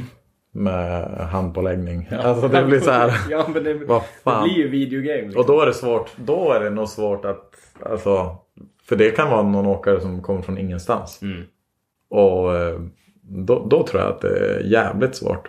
Ja, ja gud ja. Man inte har någon grunderfarenhet. För det, det, kan, jag, det kan jag väl tro om man har liksom en, just en, en bild av en viss åkare. Eh, och så bara okej, men det där var extra för den åkaren. Liksom. Oh ja. Mm. Det är klart att det blir en sån. Liksom.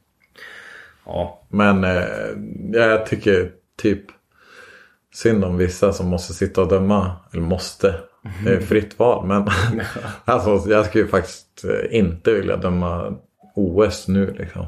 Nej, inte alltså den nivån det är på nu. Fast just det OS som var skulle jag lätt kunna ha dömt. Ja, Det var ganska enkelt. ja. Men, vad, eh, vad av vad an detta då? Bara av eh, Nej, det, jag tyckte din, det var... din bild på det? Nej men jag tyckte det var eh, helt rätt att Red, eh, Red Gerard vann. Mm. Och han, man kunde se tycker jag på han kontra vissa andra åkare där att alltså, han kan shredda. Mm. Alltså, han kan inte bara åka snowboard. Han kan inte akrobatiken så. Alltså, han kan shredda. Ja. Han kan göra alla de här... Alltså, och han framförallt. Inte bara att han kan shredda. För jag tror att många kan. Men på tävling så har de ett speciellt sätt att åka på. Mm. Det finns så här, ja men nu har jag den här påsen att välja trick ur.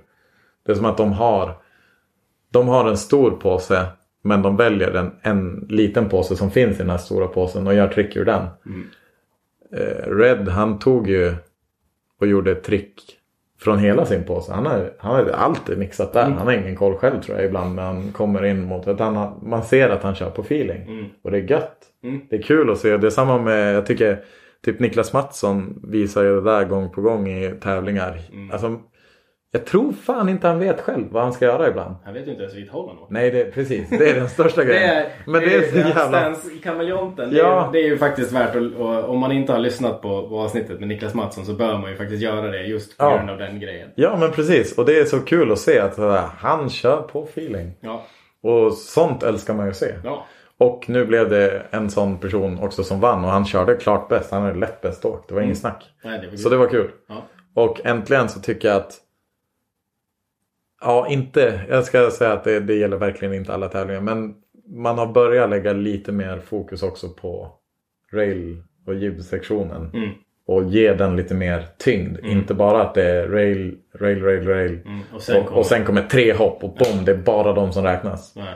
Utan att man börjar räkna in lite mer. Men helheten. jag är fortfarande jävligt så här.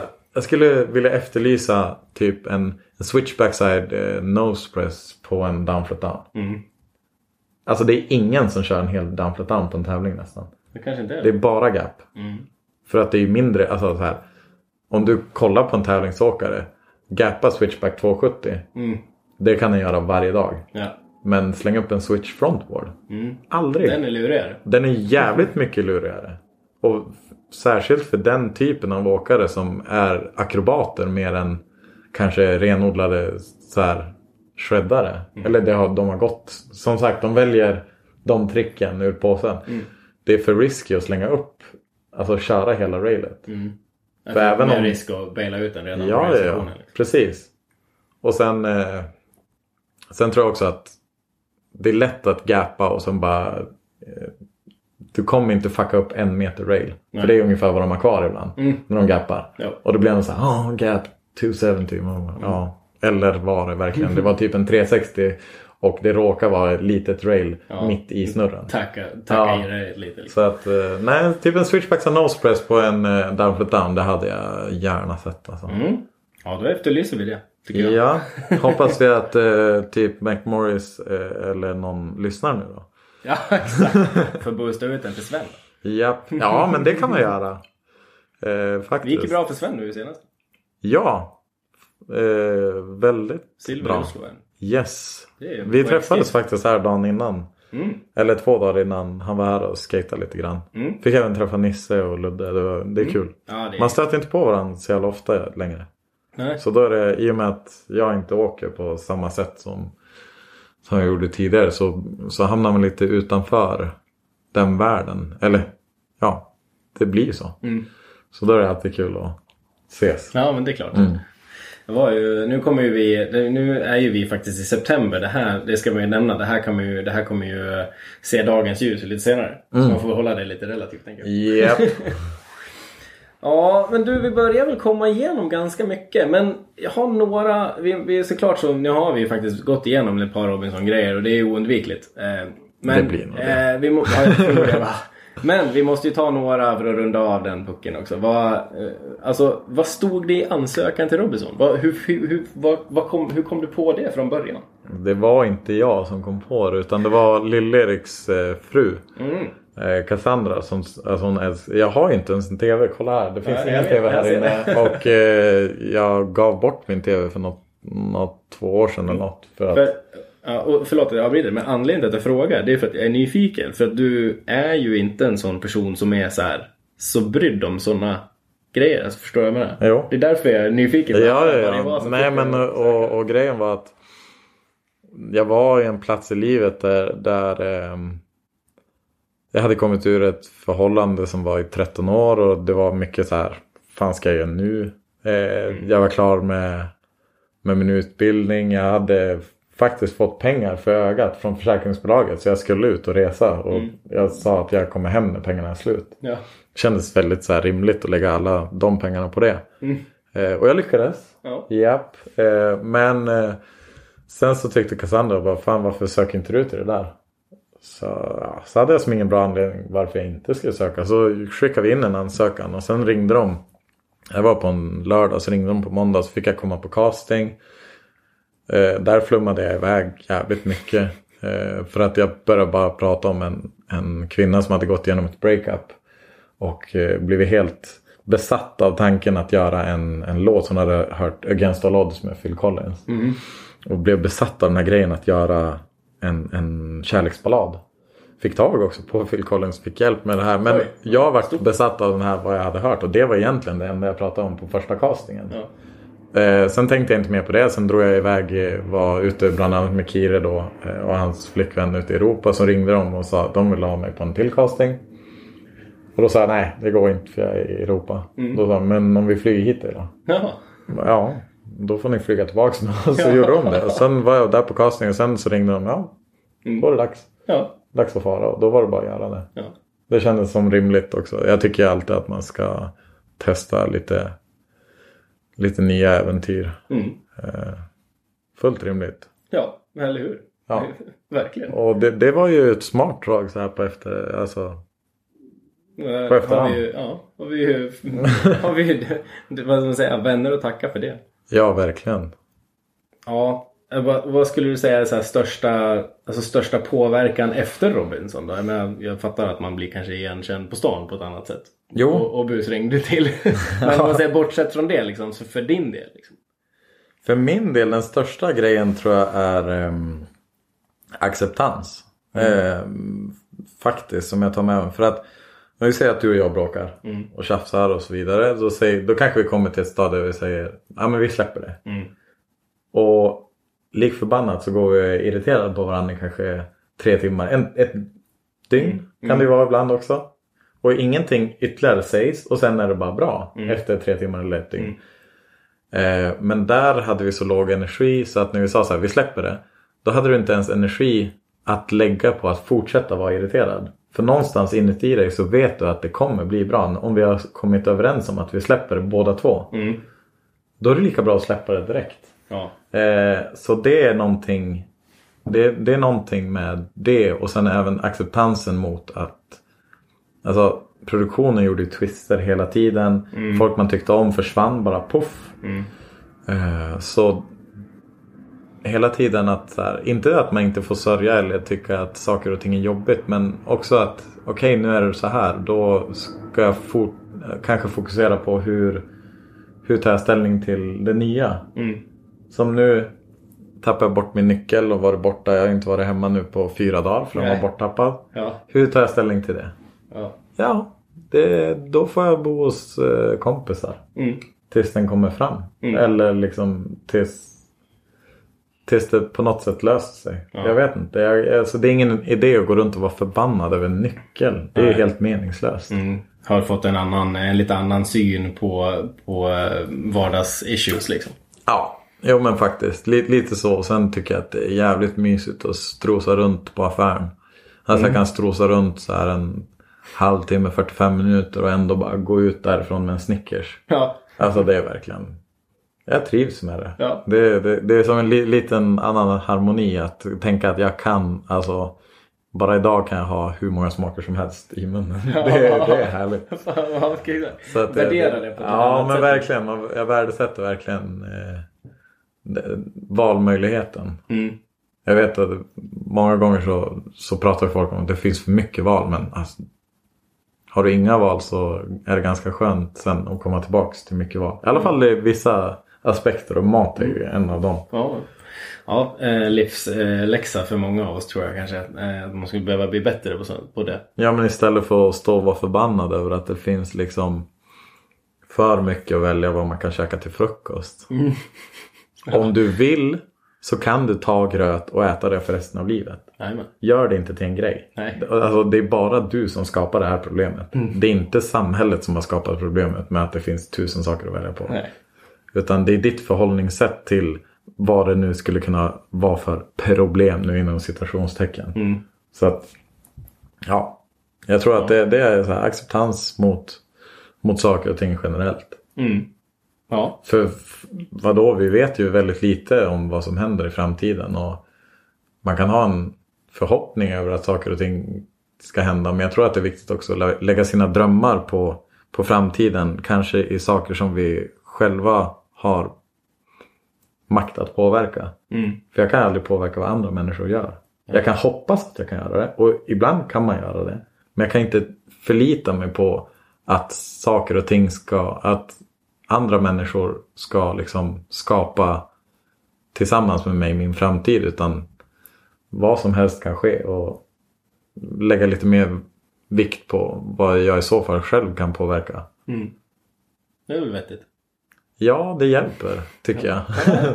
Ja, men det är väl härligt. Eh, vad, och du, eh, vi pratade ju förut om lite grann så här hur, ja, men hur du ser på saker och hur man reflekterar och hur man liksom tar ett steg tillbaka från saker kanske på ett annat sätt. Och det, det, är, väl lite, det är väl lite grann i samma område egentligen. Mm, absolut. Och jag tror att det är, det är ju fint att, att vara en reflekterande människa. Och eh, på något sätt så jag har alltid varit reflekterande men inte lika mycket som jag är nu. Mm. Men det är ju en lyx att, att känna sig och, och, som en reflekterande människa i alla fall. Och jag anser mig vara det. Eh, att vara det nu och inte när jag blir liksom 85. Mm. För det är samma där. Jag kan gå runt och vara irriterad över att jag har haft så många år av mitt liv som jag inte har reflekterat så mycket.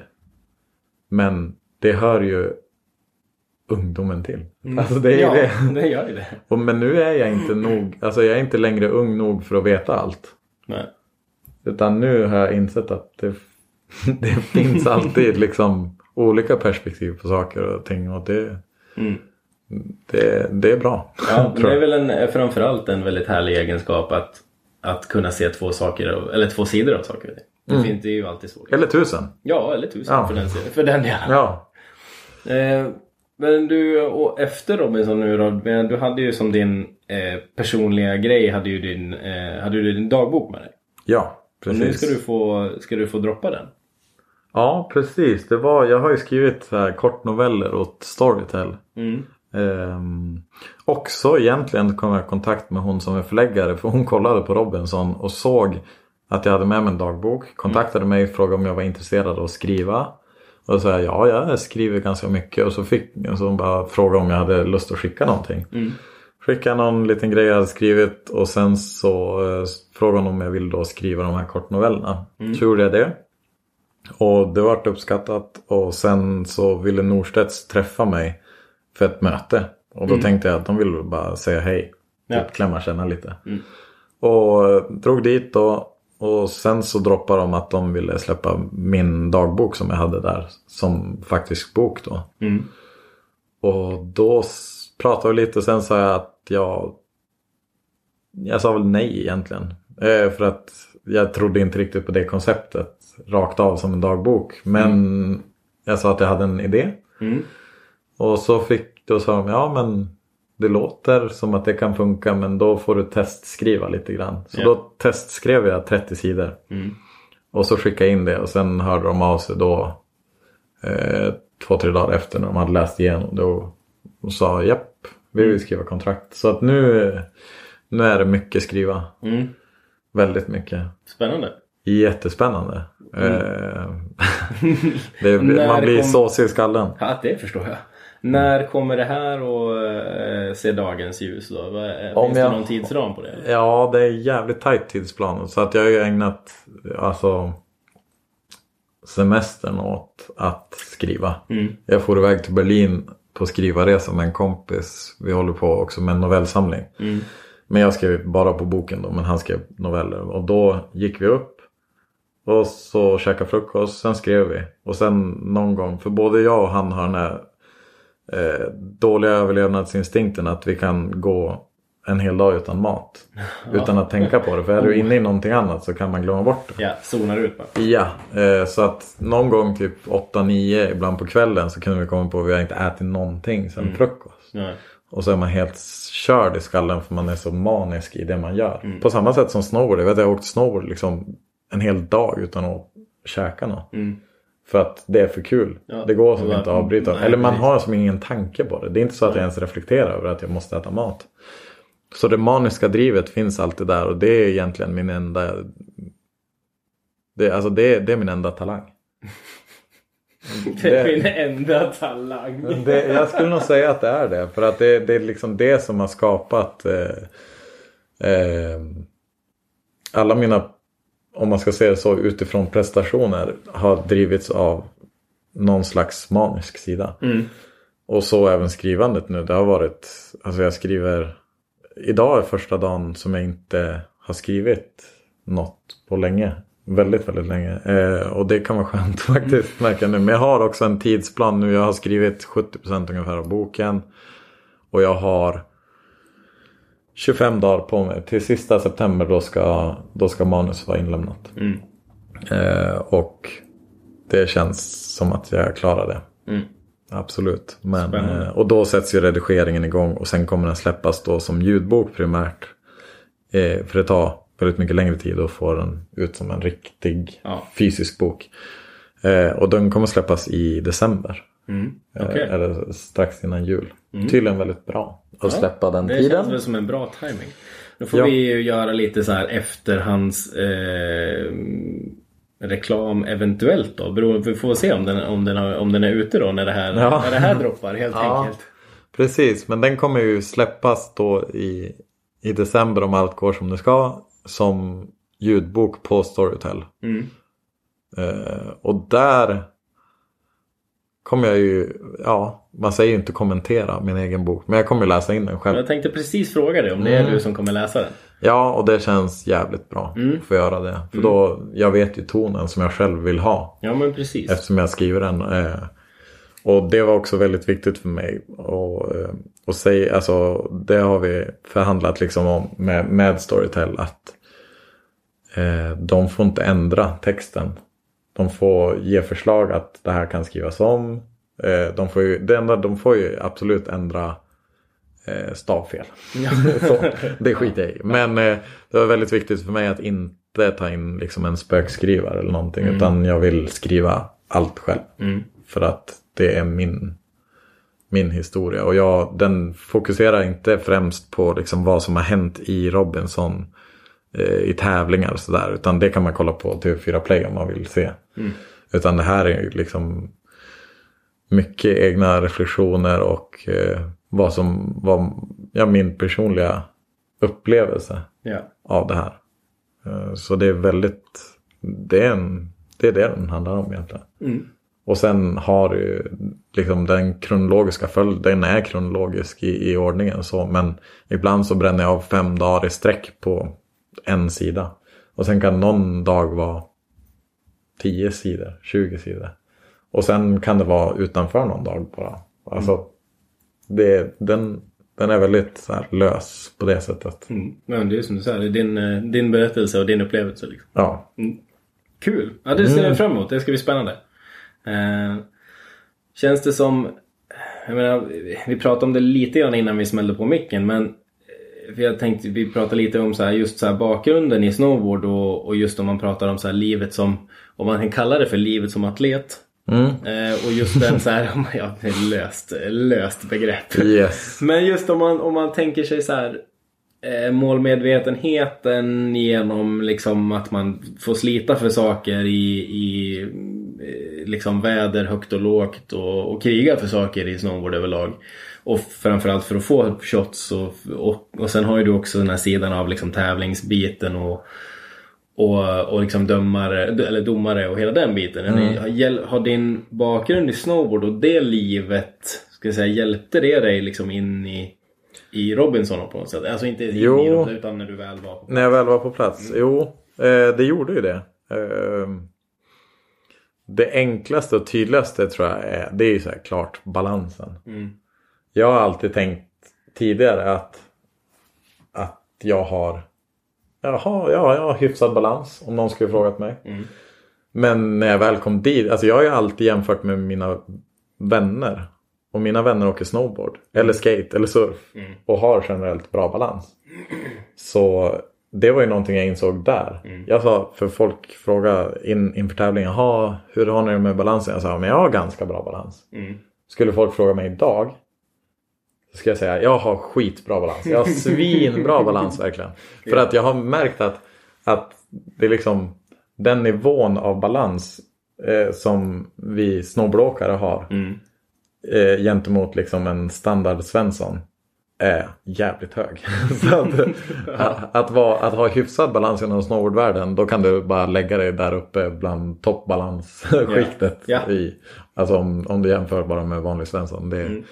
Eh, men ja, jag vet, det var den här klassiska tävlingen Plankan. Ja. Då höll jag ju på att jinxa bort. Eller jag, jag, jag valde faktiskt. Det var första gången som jag liksom var lite så här kaxig i en sån här synk. Alltså synk när vi pratar framför kameran. Då. Mm. Och det var innan tävlingen. Då sa jag. Eh, hur svårt ska det vara? Det är bara att stå. Ja. Och det var stå. Och det var. Och det var så jävla skönt att jag inte hamnade på liksom Dyngbaggegalans eh, Instagram. Genom att säga så och åka ut först. Utan... Claes Beijer 0,5 sekunder. Exakt. Nej, men det alltså. Ja, det, det är väl den. Men framförallt faktiskt det, det som, som jag upplevde som den största hjälpen. Det är det här med nya konstellationer. Vara ny i en grupp och anpassa sig. Att leva lite. Le, leva spartanskt och jag menar. Säg att du hamnar på. Det har ju hänt att du kanske hamnar på ett nytt team. Mm. Du åker iväg på en teamvecka med ditt nya team. Det är, ny, alltså det är människor du aldrig har träffat. Och det kan vara flera som är ny på teamet. Eh, och helt plötsligt är ni fullständigt beroende av varandra. Mm. Och ni bor med varandra. Eh, det är bara ni. Det är väldigt så här isolerad miljö. Eh, så från att inte känna en person till att verkligen känna perso- en person eh, på bara liksom 6-7 dagar. Det, det är ganska unikt. Mm. Men i snowboarden så händer det hela tiden. Ja. Eh, och det så är det när man filmar också. Nu ska vi filma den här filmen så är det någon nytt ansikte som man aldrig har liksom stött på. Och helt plötsligt så åker man runt en hel säsong. Mm. Och lär känna varandra jävligt bra. Så det hjälpte det hjälpte mycket. Det var, som, det var inget konstigt att bara lära känna folk på väldigt, väldigt nytt, alltså så intimt sätt väldigt snabbt. Utan det, det kändes naturligt. Mm. Och just den här med att man förstår att man bör anpassa sig ganska mycket. Ja. Eh, Och faktiskt den här att, att vara lite så här eh, tillbakadragen i början. Och liksom eh, låta de naturliga rollerna hamna i en grupp. Och sen ta den som man själv märker blir naturlig för, för sig själv. Att inte liksom kriga om. Säg att i en grupp så kanske du normalt är ledaren. Men i en annan grupp som är fylld med naturliga ledare. Ja men då kanske det hamnar Mm. och, och liksom bara följer. Och det är det mest naturliga där. Så inte kriga om den platsen som du är liksom van att ha. Utan snarare låta den nya gruppdynamiken forma din roll. Mm.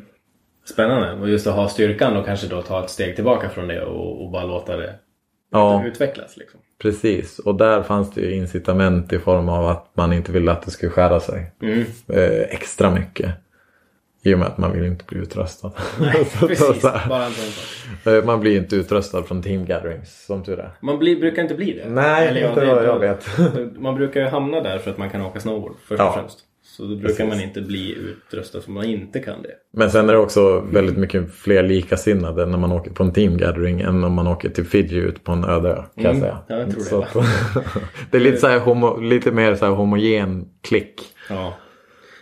Hur, jag menar hur ställer, för, jag- för du är ju eh, det vi, det vi känner varandra sedan innan så du har aldrig slagit mig för att vara liksom en så beräknande taktisk människa. Nej. Hur, nej, det, eller det vet jag att du inte är. Nej, jag är en grymt Hur- dålig taktiker. Ja, men och hur, jag menar, hur gick det då? Hur kändes det? I, jag menar, just, det kanske var det som gjorde att du hade förmågan att, att ta ett steg tillbaka från hela Mm. den grejen också? eller? Ja, jag tror att eh, min... Jag har ju lite olika sidor. Jag är ganska virrig av mig och jag är ganska excentrisk. Mm. Eh, men många delar där, alltså det spelar ingen roll om du är virrig där. Vad ska du tappa bort? I och för sig, jag tappar ju bort mina, mina, jag tappade bort mina shorts och vi hade ett par. Ja. Så det var ju en dryg grej. Men de hittades i djungeln av någon. Så att det, var, det var lugnt, de hade blåst iväg. Så var, jag hade faktiskt inte tappat bort Nej, de var bara försvunna på Eh, egen, egen ja. bevåg. Men eh, sen så här det här excentriska och så här uh, flummiga som jag har. Det fick som inte utrymme där på ön för att jag hade inte den energin helt enkelt. Och då, det, det som var kvar var min lugna sida. Mm. Och den, den verkar ju funka väldigt bra. Mm. Och jag märker ju när jag har sett det här på tv att shit, det, där, alltså det, var, det visas verkligen den jag var på ön. Men den jag var på ön var ju kanske bara 60% av mig själv. Mm. Även om den är äkta. Jag tycker inte att de har framställt mig på ett sätt som, in, som jag inte tycker var liksom korrekt utifrån den jag var på ön. Nej. Men jag kan kolla på det och tycka bara fy fan vad jag är tråkig. Alltså det är den. Bara, fan det är noll energi på det. Det är så här levande zombie som sitter där och bara Ja. Mm. Kanske blir så. De har inte fått mat på ett tag. ja, men hellre att det gick åt det hållet än att man vart någon så här psycho som bara gick eh, bananas på alla andra. Så att, eh, Tror det va? ja, jag tror det. Det känns Det rimligt. känns inte, du känns inte som eller du, är- du känns inte som en person som skulle hamna där tror jag. Ehm, ja, men du Claes. eh, jag känner lite att vi har gått igenom det jag ville, det jag ville bolla med dig. Känner Mm. du att det är någonting vi har, har vi sprungit förbi något för fort eller? Nej. Eller så kanske vi har och så visar det sig sen och då får det vara så. Då, får kan du ju ta det i någon annan podd med någon annan. Ja. Eller inte i någon annan podd. Ta det i samma podd, det är rimligt. Men ta det med någon annan.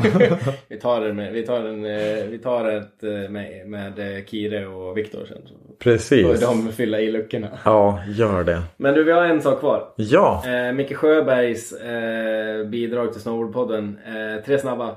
ja. Stance. Goofy. Bredd och vinklar. Jaha, okej, sånt. Ja, Det beror, ju, det beror ju lite på vad jag, vad jag åker. Men om vi ska ta klassisk backe bara. Så kör jag eh, Goofy 53 cm mellan eh, ja, centrum till centrum. Och så kör jag... Eh, Tight. vad sa du? Tight. Ja, relativt. Tätt och räsigt som Wilhelmsson uttrycker det. Ja. tätt och räsigt. Eh, jo, men jag har faktiskt smalnat in stansen ganska mycket. Mm. Eh, men tycker fortfarande att det är en rimlig stance utifrån hur jag åker nu. Mm. Eh, och jag står faktiskt eh, plus 15 plus 3. Så Oh. jag har gubbat till det lite grann. Jajamän. Men eh, det känns så här. Det känns jävligt nice. Mm.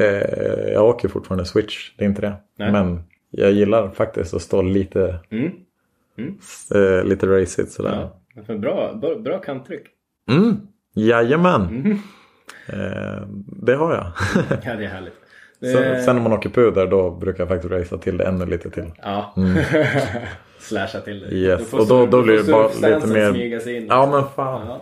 Det får den verkligen. Ja, det där är ju, jag har ju, eh, alltså när man har börjat åka mer, desto mer snowboard man åker, Mm. desto mer surfstance hamnar man ju i. Vilket också är rimligt. Alltså om du kollar på en snowboardåkare som surfar första gången hoppar ju upp som liksom en 60 cir- brett, Ja, verkligen. Ehm, så, vurpar direkt. ja. Så att eh, det, det, det ser fruktansvärt fult ut också. Så, så brett på en surfbräda. ser ju, Mm. det går inte. Nej. Eh, filmpart, inspiration. Uff. Film överlag, men filmpart om du, om du har någon på lut. Ja, eh, jag får säga. ehm, jag tyckte JP Walker i eh, Synchronize från 97 var Den gamla- alltså den jävla gamla fet. godingen. Ja, den, den har, men det var också för att det var min första snowboardfilm som jag hade. Mm. Och jag spolade fram och tillbaka på den där jävla parten. Alltså. Och sen tyckte jag även i forumfilmen, nu kommer jag inte ihåg vilken det var. Eh, det var Peter Line i alla fall. Mm. Som körde till eh, Paul Woodos eh, Mexican Radio. Ja. Eh, så jag kommer inte ihåg. För jag tänkte precis jag försöker precis komma ihåg vilken film det var. Ah, Mexican Radio. Eh, det var en fet part. Sen Ja. alltså, jag menar, det har droppats hur många feta part som helst. Men Det det, det, slut. Men det, det är man någonting kommer som så här- någon av dem ja, som är lite extra. Liksom. Mm. Favoritspot? Oh. Alltså det kan vara mm, Kläppen eller det kan vara men, Mm, mm. något som du är så här. Det var bra. Ja, Okej, men då ska jag faktiskt säga Hoch Übrig i, i Schweiz. Mm. Fantastiskt jävla puderställe. Och det är så mycket så här naturliga knuckles. Och när man kommer upp dit så är det, alltså det, det ser ut som ett paradis. Och det är ett paradis. Men det, det är bara, det är som fluffiga moln som du faktiskt kan åka på. Mm. Precis när man kommer upp, när man flyger så kommer man upp Ånmålen och tänkte oh det här ser Ja. drömmigt ut. Här skulle jag vilja shredda. Ja. Det är hockeybrick. Ja, Japp. Då vet jag hur det ser ut. ja men precis. Det är exakt så. Coolt! Ja. Eh, ja, det får man väl kolla upp. Där har jag inte varit. Nej. Eh, Klas, eh, tack så mycket. Tack och bock. Kul att du kunde ta dig lite tid i, och eh, att du ville vara med. Ja, kul att du också accepterar eh, snabbkaffet här och inte liksom kastar skit på mig för att jag inte dricker kokkaffe just nu. Utan... Men jag har mina anledningar. Ja. Nej. Ka- Nej men jättekul att vara med. Det, det, är bara, det, är bara, det är alltid bra. Är jättekul att vara med. Det känns så jävla härligt att, att få vara lite i snowboardvärlden och, och, och ha tankarna där. För nu har tankarna varit på så mycket annat. eh, Ett bra tag och snart kommer vintern. Och det börjar kännas det här själsliga längtan efter, efter vinter. Verkligen. Så ja, det, den är så jävla välkommen. Kul. Ja, du är, du är alltid välkommen upp till Åre och, och komma och shredda lite. Det, Det är inte, kommer inte jag alltid det, absolut det, göra. inte, det är inte alltid det är såna fluffiga mål, men det händer. Det händer. Det- Men annars får man väl parkrotta till sig då. Mm, jag ligger på karva. Ja, du kan, ja, ja precis. Jag kommer upp med carve. Mm. Äntligen fattat att jag behöver widebrädor. Jag har ju fan vuxit som ett vinkeljärn. Jag var kortast klassen och störst fötter. Men alltså jag har alltid kört på så här smalare brädor. Mm. Eh, Vad det på fötterna? Jag har 45. Ja, då vill du väl ha en widebräda. Ja, Så du, inte, så du slipper tåa i dem. jajamän. så att eh, ja, men jag hade istället för, för tajta skor och så fick jag liksom nageltrång varenda gång. Bara, Men det var, det var liksom, ja, det gör ont med nya boots. Men när jag har fattat att det går att ha en widebräda och sköna boots typ direkt. Så ändrades hela gamet. Ja, det kan vara en utmaning det där. ja, tyvärr insåg jag inte det förrän jag var 25. Det brukar ju dock vara åt andra hållet. Det är vanligare att man har större, att man har för stora skor och att man inte sitter fast och får ont i fötterna. Det brukar vara det hållet. Jo, men då har man nog inte storlek 45. Kan också Ja, vara, för jag körde kan också för- vara fallet ja. sig. Men jag körde också för Allian förut och de har ju så generellt ganska smala brädor. Mm. Så då var det så här, okej men vad har jag för möjlighet här? Jag måste... Mm. Deras parkbräda då också hade, fanns inte i wide. Så det var liksom gilla läget på något vis. Vilken, eh, vilken parkbräda var det då? Eller vilken var det? Fasen hette den? Minns du? Eh, nej, det gör jag inte. Fast jag har ett dokument på datorn där jag har skrivit upp varenda bräda. Modell och längd. Mm. Mm. Se där ja. Jajamän. Stort ändå. Ja men det känns ändå som att det är kul att ha, ha någon gång. Mm. Eller Så där står liksom ett jävla gäng. Mm. Jag rockar ju en eh, där i början av 2000 när, när eh, Alliance släppte Cale Stevens med snöskotern på. Mm. Oh. Oh. Oh. Mycket bra minnen på den. Ja, har du någon aning om hur många snowboards du har haft? Nej, det vet jag inte. Skulle man, ta ett, en, skulle man ta en stund och räkna igenom så skulle man säkert kunna hamna i ballpark. Men det vet jag inte på rak arm, nej. Mm. Jag är däremot är jag ganska nöjd över att jag har min första snowboard kvar.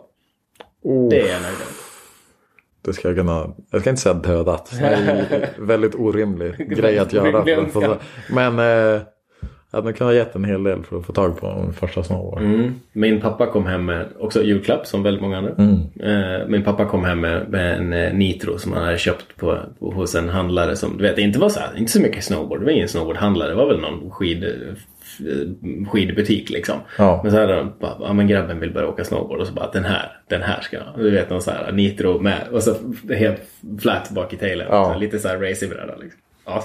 Jävla fett. Första brädan. Ja. ja, men du, nu har vi sagt tack Ja. eh, flera gånger. Tack. Tack så mycket. Kul att eh, vi kunde sy ihop det här. Eh, vi ska dra ut ett eh, litet speciellt tack till eh, förbundet faktiskt. Vi pratade om dem lite grann tidigare. Eh, för Steffe på eh, Stefan Karlsson, som också finns som eh, poddens första avsnitt faktiskt. Som, eh, eh, supportar ju Snowboardpodden projektet lite grann så att vi kan eh, åka ut i eh, Sverige och träffa lite folk. Vi Skitbra. ska, vi ska tacka förbundet faktiskt för att de gör väldigt mycket och fortsätter att göra mycket för många olika hörn i snowboard och skidor också naturligtvis. Ja. Tack förbundet. och eh, just det, det, det var ju, det är ju fan nu, nu kommer jag ihåg att jag har glömt att säga massa inspiration. Alltså Ja. Steffe K. Alltså, K. Han var ju inte tråkig att kolla på när han var liten. Eh, inte nu heller för den delen. Han är jätte... Eh, vacker höll jag på att säga. Nej, nej men han, han har ju fortfarande liksom, man ser att... det- bestämd stil. Ja. Bästa tweakarna på hela världscupstouren då. Eh, högsta airs också. Han mm, köttar ju. Jag vet att ett av hans problem som han hade då. Det var Ola Sunderqvist. Han som dömer. Han har ju dömt Mm. typ alla OS som finns. Ja. Eh, domarlegend liksom. Eh, han sa att Stefan hade, han var bäst liksom. På så jävla mycket. Klart bäst straight airs liksom i hela, på hela touren. Och körde alltid fläsket och högt. Men han kunde inte stå ett helt åk. Det var hans problem. Mm. Och eh, ja, det var synd. Men det spelade fan ingen roll tyckte, alltså för en själv. Att han inte, alltså. Jag tror ändå att det, det var lite att ta i. Nog fan han stått ett helt åk. Det tror jag. Nej men eh, han och även Sterner var ju så här stora inspirationer. Mm. Verkligen. Coolt. Yes. Och Hampus, vad fan Hampus, gud jag glömde. Det finns hur många som helst. Det här, det här Ja, blir det- ett separat avsnitt. Ja precis, släpp en sån. Hampus och, eh, Hampus och Jakob. Uncut version. Då sitter jag bara och rabblar inspirationskällor. Exakt. Ja. Ja. Vi klipper det. ja, vi klipper. Vi klipper det. Super. Yes, då så. Där var mitt möte med Claes i hans lägenhet i Stockholm. Och jag hoppas att ni eh, känner att ni fick lära känna snowboardsidan av Claes lite närmare. Eh, vart han kommer ifrån, vart han är på väg. Tack igen till Svenska Snowboardförbundet för supporten. Eh, vill ni ha mer koll på podden så finns det såklart fler avsnitt där ni hittar poddar. Acast, Podcaster och så vidare. Och för att få lite närmare koll på Klas och några av de saker vi pratar om i avsnittet så missa inte att följa Snowboardpodden på Instagram och Facebook. Mitt namn är Joel Söderström. Tack för att ni har lyssnat. Hej!